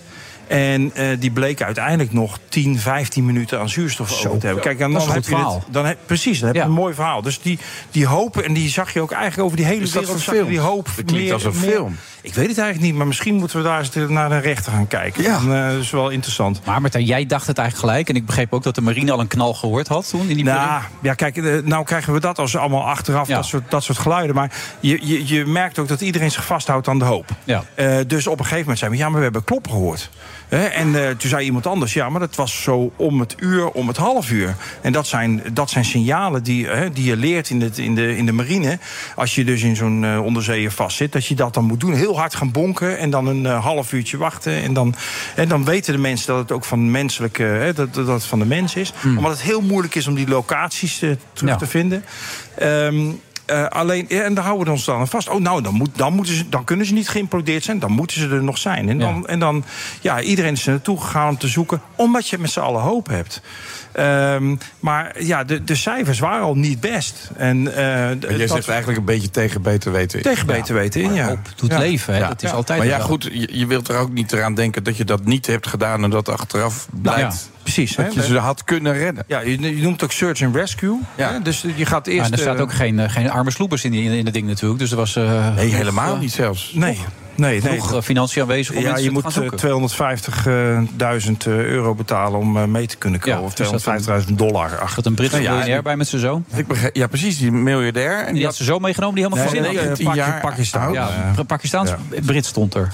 Ja, maakt niet uit. Whatever, hij is niet meer helaas. En zijn zoon wilde eigenlijk helemaal niet mee. ik vandaag ook nog. oud. Ach ja, dat, dat had ik nog niet gehoord. Dat is Ja, natuurlijk, ja, nee, zijn ja, tante had verteld dat hij had gezegd... ik heb helemaal geen zin in, maar ik doe het omdat mijn vader erbij is... en hij wil het zo graag, dus ik ga maar mee. Ja, en het andere eh, pikante verhaal was dat eh, die een, van de ja. ja. Ja. een van de dames die was weer. eh, Ja, familie van, eh, van, de, van de mensen op de Titanic. Ja, de familie Strauss. Nou, Ja, ja, dat de familie Strauss. En de, daar is- er komt ook nog een stukje in die Titanic. Ja, want zij wilde voor. de boot niet Ja, verlaten. Omdat precies. de Ja. vader in dit geval, de, de man, had gezegd... ik ga pas van boord als alle vrouwen en kinderen ja, van boord ja. zijn. Nou, dus er komt een vervolg. Nou ja, ja, ja dat, zou, je- dat eh, was in ieder geval een vervolg. Maar, Maar Martijn, wat ik het meest bizar vind... ik heb het net op een site een heel verhaal zitten lezen... over die Stockton Rush. Want die was daarvoor verantwoordelijk, toch? Die heeft dus dit helemaal Ja. opgezet, dit bedrijf opgezet. Ja. Maar die heeft dat ding ook laten maken. Zeker nog zelf, was zelf ingenieur. En ik leesde allemaal dingen, dat kan toch helemaal niet... dat hij met dingen van de bouwmarkt dat ding in elkaar gezet heeft. Ja. Met plastic en, en, en punaises bijna. Ja, kijk, wat hij zei, jongens, ehm, eh, al die regels, hè, die regels die belemmeren mij ook, of die belemmeren ons ook om eh, de grenzen te verzetten. Ja. Dat is natuurlijk wel een klein beetje zo. Maar eh, het is dan nog wat anders als dat je dat doet voor jezelf. Of dat je daarmee je toeristen mee gaat nemen. Zelf zat hij er niet in. Jawel, jawel. Ja, ja, hij was er ook bij. Hij zat er ook. Hij is ook, Ja, eh, hij hij is ook klaar. Ja. Oh. Ja. Ja, dus de- de- dat is dan wel, dat, dat pleit dan wel voor hem. Dat hij dan mee is gegaan. Maar nee, maar dat soort dingen, dat, dat duurde die. En de hele industrie die zei tegen hem: Ja, maar weet je, het is niet alleen maar jouw probleem. Nee. Het is ook ons probleem. Ja. Als er nou wat gebeurt. Dan uh, ja, er wil niemand meer zijn onderzeeën. En er, gebeuren, er zijn hele goede testen. Hè. Dus die, de meeste onderzeeërs hebben in Nederland hebben natuurlijk ook onderzeeboot bouwen. En die doen ontzettende. Die hebben zich aan allerlei zware testen ja. te houden. En, die, en die, ja, die werken fantastisch, die, uh, die schepen. Die gaan misschien nog niet tot, uh, hè, tot 3800 meter diepte. Dat is wel een verschil. Ja. Maar goed, die gaan ook al honderden meters diep. Ja, maar Martijn, het kan ik las verhaal dat het dat raampje was maar getest op 1300, 1300 meter. Ja, ja nou, 1300 dat meter. Niet. Ja, natuurlijk. En hij ging naar 4000. Daar was hij op getest. Hij had een, een grip om de deur dicht te doen. Die had hij bij de praxis gehaald. Of bij de bouwmarkt. Ik moet er vanaf zijn. Ja, en die lampen hadden ze, had hij dat ook gedaan. Had er ledlijntjes in gemaakt zelf. En nog even voor mij. En, en, was maar even, de eerste keer dat. Nee, nee, ze hadden nee. al meerdere van dit soort dingen nee, gedaan. Dus je kan uiteindelijk kan je dan zeggen, uh, het is eigenlijk een godswonder dat de eerste dat twee keer niet. Uh, maar dan ging het ook al behoorlijk fout. Ja, kwamen ze helemaal verkeerd boven. Ze dobberden maar wat. Dat ging ook helemaal verkeerd. Maar ook die punt die was niet van titanium gemaakt, begreep ik. Want dat is belangrijk, begreep ik toch? Dat die punt ook heel sterk is. Die was van carbon of zo gemaakt, stond daar. Nou ja, ze, ja ze, dus ze hebben, een, uh, ze, ze, ze, hebben twee titaniumdelen. Ja. En ze hadden uh, en ze hebben een, uh, een, een carbon fiber. Hè, dus ja. inderdaad koolstofvezel ding. En dat was helemaal nieuw. En daar, daar kwamen ook die andere bouwers ook tegen in opspraak. Ze zeiden van ja, dat kan je wel doen dat testen. En dat is wel leuk. Ja. Uh, maar dat is nog, je, je kan beter zo'n ijzeren cilinder, hè, of een stalen cilinder. Daar weten we allemaal van, van hoe dat werkt, zo'n titanium. Ja. Dus hij, had, hij nam allerlei risico's, ja. En uh, hij kan dat zelf wel brekende risico's noemen. Hè, Hmm. want, uh, want de rest was ook, hij zei gewoon van ja, dat is tot 4000 meter is dit hele ding getest. Ja. Je moet je er rekening houden met het feit dat, dat, dat dit dus buiten de territoriale, territoriale wateren van, al, van alles is. Hè. Dus het is eigenlijk, ja, het is de high seas. Dus Hmm. je, je, hij mocht eigenlijk doen wat hij wilde.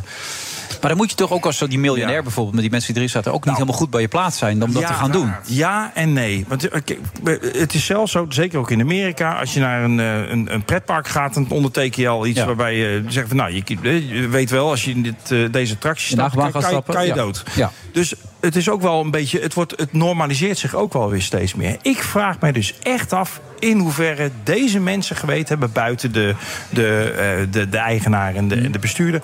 welke risico's ze nou Ja, waarschijnlijk niet. Nee. Anders hadden ze het niet gedaan, toch? Precies. Maar nou, dat, je, je, antwoord, ja, maar je antwoordt het wel. De, ja. Waarschijnlijk niet. Het is, dat is, dat, en en de, ze, werden, ze deden de lachen over. Hè, die contracten waar drie keer dood stond. Dood, ja. dood, dood. Uh, ja, ja ik, ik denk ja. dat we nu wel betere regelgeving gaan krijgen hierop. Natuurlijk. Zelfs bui, he, ik, ik kan me voorstellen dat we dan gaan proberen om in ieder geval die afspraken buiten die territoriale wateren ook wel zo te maken.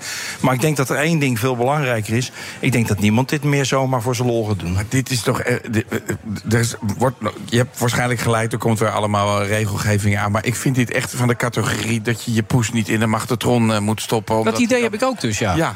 Dan denk ja, ik, ja, ik kan nee, dat vind ik niet nadenken. Ja, je, je, je, ziet, je ziet die onderzee. Wie is er, wie is er dan naar die 3800 meter geweest? Je ziet dan zo'n apparaat. Je denkt, nou, dat is eigenlijk best wel agrarisch, best wel, he, best wel hard. Uh, of he, best wel Spartaans. Uh, maar goed, ze zijn al twee keer geweest. Dus wie ben ik? Wie ben ik die uh, erover gaat klagen? Ik kan me dat nog wel wat ja, maar voorstellen. Bij die, bij die twee keer ging het niet echt soepel allemaal. Dus. Nee, dan ging het niet soepel, nee. maar ze kwamen toch boven? Ja. ja. He? Nee, maar ik zeg het maar alleen maar... Ik, ik, ik, ik, wat, wat, ik, zou het zelf niet doen, hè? Leeft, leeft de moeder van die jongen nog? Nou, dat weet ik niet. Maar, nee, dat, maar ik kan me voorstellen de, de, dat hij nu... Als, als die gewoon die vader die neemt mee ja. naar... Dat is toch verschrikkelijk? Het is verschrikkelijk. Het is ook verschrikkelijk. En overigens het had ook eigenlijk niet mogen gebeuren, vind overigens ik. vind ik wel... En op welke diepte zaten ze op dat moment, denk je ongeveer? Uh, ze zaten... Nou, ja. ik, ik denk dat ze een paar honderd meter boven die, uh, ja, boven die Titanic, boven die Titanic zaten. Ze lagen 500 meter voor de boeg. Dus, maar eigenlijk moeten we toch nog blij zijn dat, hè, dat klinkt een beetje raar, maar de, dat het in één keer is gebeurd. Want ik begreep ja. ook dat ze niet hebben geleden. Precies, dat ze nee, zijn waarschijnlijk gewoon in één keer dood geweest. Want het hele beeld was natuurlijk de afgelopen dagen van... zit je met z'n vijven ja. ja, dat in zo'n onderzeeër... en verhaal. je weet hoeveel uur uh, uh, zuurstof ja, hebben we nog. Ik moet plassen, hoe ga ik dat doen? Maar dat uh, heeft iedereen aan de buis gekluisterd ge gekregen. Hè? De, echt dagenlang. En, en dat is dan die hoop. Dat is dan echt die hoop die je hebt. maar ik denk dat we, nou ja, wat dat betreft... Uh, gerust uh, uh, kunnen zijn dat ze daar echt helemaal niks van gemerkt hebben. Maar heb je zelf wel eens in een duikboot gezeten? Ik heb wel in een eh, militaire duikboot gezeten. hoe vind je dat? Hoe is dat? Eh, daar merk je bijna niks van. Dat, dat zijn grote apparaten. eh, en die, ja, je voelt dat de, de vloer wat gaat dalen. Je, maar veel, veel meer dan dat voel je niet. Nee. Oké. Ja, ik ben niet dagen en weken onder Ja, water. ik probeer me als onderwaterarcheoloog voor te stellen... dan moet je ook veel onder water zijn, toch, lijkt mij? Ja, ik zit veel onder water. Ja. Maar dat is meestal met, met, met duikpak of met duikhelm.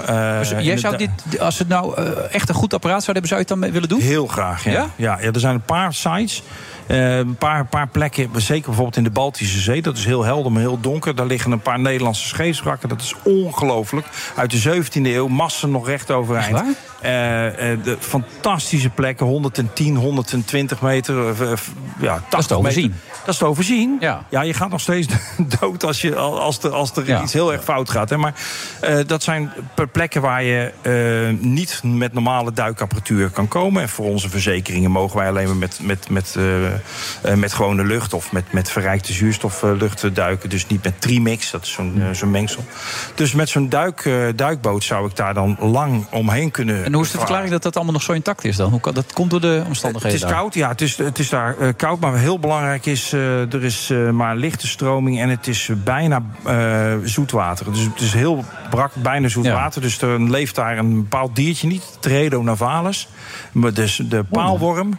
En die paalworm die eet hout heel snel op. En dat doen ze dus in Nederlandse wateren wel. Maar als je nu de boven zou kunnen krijgen, dan valt hij uit elkaar, neem ik aan, ja, toch? Dus, dus ja. Dat heeft geen nut. Nee, nou ja, dan moet je hem gaan conserveren. Dat kan wel. Dat kost eh, tientallen, zo niet honderden miljoenen euro's. En eh, onder water heb je dat mystieke toch ook wel weer. Dus je Nee, kan eerst heel veel doen. Je kan nee, echt serieus. Je kan Nee, eerst lijkt me heel veel doen onder water voordat je het boven water gaat halen. Ja, ik, ik ben in een zwembad op voor een haai, dus je zult mij dat niet zien. Maar het lijkt me wel intrigerend om dat te kunnen bekijken. Nou, ik ben marineofficier op eh, eeuwig verlof. En eh, ik laat het graag aan jou. nou ja, dat is dan, dat is dan ook wel goed. Ja, Ja. ieder zo zijn ding, hè? Maar dit werpt de, de, deze ontwikkeling werpt natuurlijk wel de, de, ontwikkeling eh, terug eh, in de tijd, zeg maar. Voordat de mensen dit weer gaan doen. Eh, Nou ja, ik hoop dat mensen dat eh, met, met die andere eh, duikboten. Kijk, ik hoop dat mensen realiseren dat dit inderdaad houtje touwtje was. Dat dit echt risico's nemen, eh, een gigantisch risico nemen was. Eh, en dat bij, dat bij andere eh, duikboten helemaal niet het geval is. En over die onderwaterarcheologie wil ik nog even vertellen. Want je doet natuurlijk die, eh die Lelystad City Marketing. Laten we dan maar even een hopje maken. Maar we hebben hier nog steeds natuurlijk een fantastische eh, plek hè, bij Batavialand. Waar eh, Ja. heel veel van de spullen die wij opgraven, eh, die daar terechtkomen. Dus eh, dat is een mooie reclame voor de stad. En Zeker. we hebben het, maritiem, het Nationaal Maritiem Depot. Ja, En dat, is, dat is hier. Dat zit hier in, eh in Ja, Lelystad. wat kan ik daarmee? Nou, daar, eh, daar kan je bezoeken en dan kan Oh, je de oké, vondsten zien die, eh, die wij dus omhoog halen. ja. Oh, En als je echt geïnteresseerd bent in de luchtvaart, daar zit het Aviodroom natuurlijk. Hè? Dat kan je ook bezoeken. waar die KLM-vliegtuig eh, staat. Ja. Daar. Ja, en, dan, en daarnaast, ja. Ben je er wel eens geweest in die tijd dat je alleen in die bungalow zat? Of ben je nooit gegaan toen? Ik ben daar nooit geweest. Nee, nee, Nee? dat is echt beschamend. Ja. Was het maar dat, moet ik nou eens een keertje doen. Nou, dat, het begon toen volgens mij net. Ja. Ik ben ook niet alleen meer inmiddels, toch? Nee, nee, en ik heb zelfs twee kinderen. Ja, en die, kijk eh, die kan je zitten- mooi meenemen Die hebben nu een eh, laatste tentamenweek. Dus ik wens eh, Frank en Danielle heel veel Ja, succes. Ah, verstandig van je, Martijn. Goed dat je dat even gedaan hebt. Het is een triest verhaal, maar gelukkig wat je net al stelt, hoe erg het ook is, ze zijn wel onmiddellijk gegaan. Dus ze zullen het niet gemerkt hebben. En ja, de toekomst maar weer eens kijken. Nou. Heb je al eens in een onderzeeër gezeten? Eh, niet onder water, maar ik, ik was wel, in marinetijd ben ik wel eens op een onderzeeër geweest, maar die bleef gewoon boven Ja, water. claustrofobisch een beetje. Oh, dat ding van Nou, het dat museum ik ook zeker? wel, echt. Hm? Ja, Dat ding van het museum. Ja, die staat gewoon, daar kan je ook naartoe. Ja, staat gewoon gewoon boven water. Ja. Oké. Maar het is wel gewoon indru- indrukwekkend om te ja doen. zeker. Nou, nou, hartstikke goed. Martijn Manders, onderwaterarcheoloog en professor. Het is niet mis, hè? Dat we gewoon eindigen met een professor hier aan tafel. Ja, Ja. Leiden, begrijp ik. Ja, dat is Ja. belangrijk. Oudste universiteit van Nederland. Hey, de man die eh, Lelystad moet gaan redden, die hier nog lange tijd zal rondlopen. Want ja, het is een eh, kwestie van lange adem natuurlijk. Hè. City Marketing wens ik ongelooflijk veel succes, eh, Frits. Ja, dankjewel. En, Wees, eh, wees je- welkom. Kom vooral veel terug. Ja, nee, dat zal ik zeker doen. Als ik naar Friesland rijd, kom ik er heel vaak langs. Ook. Ja, tuurlijk. Ja, logisch ook. Ja, dat is heel duidelijk. En Misschien, weet kom ik ook nog ooit eens een keertje terug. Hè? Misschien, ja, en misschien op termijn dat je hier gewoon kan landen ook. Nou ja, op zich, ik bedoel, ik woon in de buurt van Amersfoort. Dit is wel een makkelijk vliegveld is dit Ja, eigenlijk. Ja, Ja. zo. Half uurtje boem. Oost-Nederland, Ja, Noord-Nederland. 2800 eh, parkeerplaatsen hier. Perfect. Alleen geen lader voor mijn eh, elektrische auto, dus ik kom niet meer terug zometeen. Nee. Dat is een gelijk puntje. Ja. Is dat zo? Nee, ik kom hier niet meer weg. Martijn bedankt, Frits bedankt. Volgende week zijn we er weer met een nieuwe aflevering. Ik weet niet waar we dan weer zitten, maar dat zien we dan wel weer. Tot dan. Het is nu. We zijn nu met elkaar aan het onderhandelen. Het is nu het moment om te komen tot een landbouwakkoord. Zeker als je zo ver gekomen bent. Wat ben ik in godsnaam aan het doen? Pak je kans, eh, smeet het ijzer als het heet is. En dat is wel nu. Het is nu of nooit. And in my case, I took it out pretty much in a hurry. Ik wil helemaal niet zeggen dat dat nu gaat lukken. Ja, ik voel me verweest. Ik voel me... Ja, ik, heb, ik heb de deur achter me dichtgeslagen. Het is nu of nooit. I came to Beijing to strengthen high-level channels of communication, to make clear our positions and intentions. Leaving families up and down the country really struggling. De teleurstelling en de desillusie is heel groot aan de tafel, waar alle partijen die aan tafel zitten. I think I hit a. Als ze ze binnen nu en een dag niet vinden, dan is- acht ik die kans uitgesloten. Want stel dat ze de duikboot vinden op 4 kilometer diepte, eh, dan moet hij ook weer terug naar de oppervlakte. Je kan de mensen er niet even uithalen. De Friday Move wordt mede mogelijk gemaakt door TUI en Otto Workforce. Our people make the difference. Ook Harm Edens vind je in de BNR-app. Je kunt BNR Duurzaam niet alleen live luisteren in de app, maar ook terugluisteren als podcast, zoals al onze podcasts. En naast dat de BNR-app Breaking News meldt, houden we je ook op de hoogte van het laatste zakelijke nieuws. Download nu de gratis BNR-app en blijf scherp.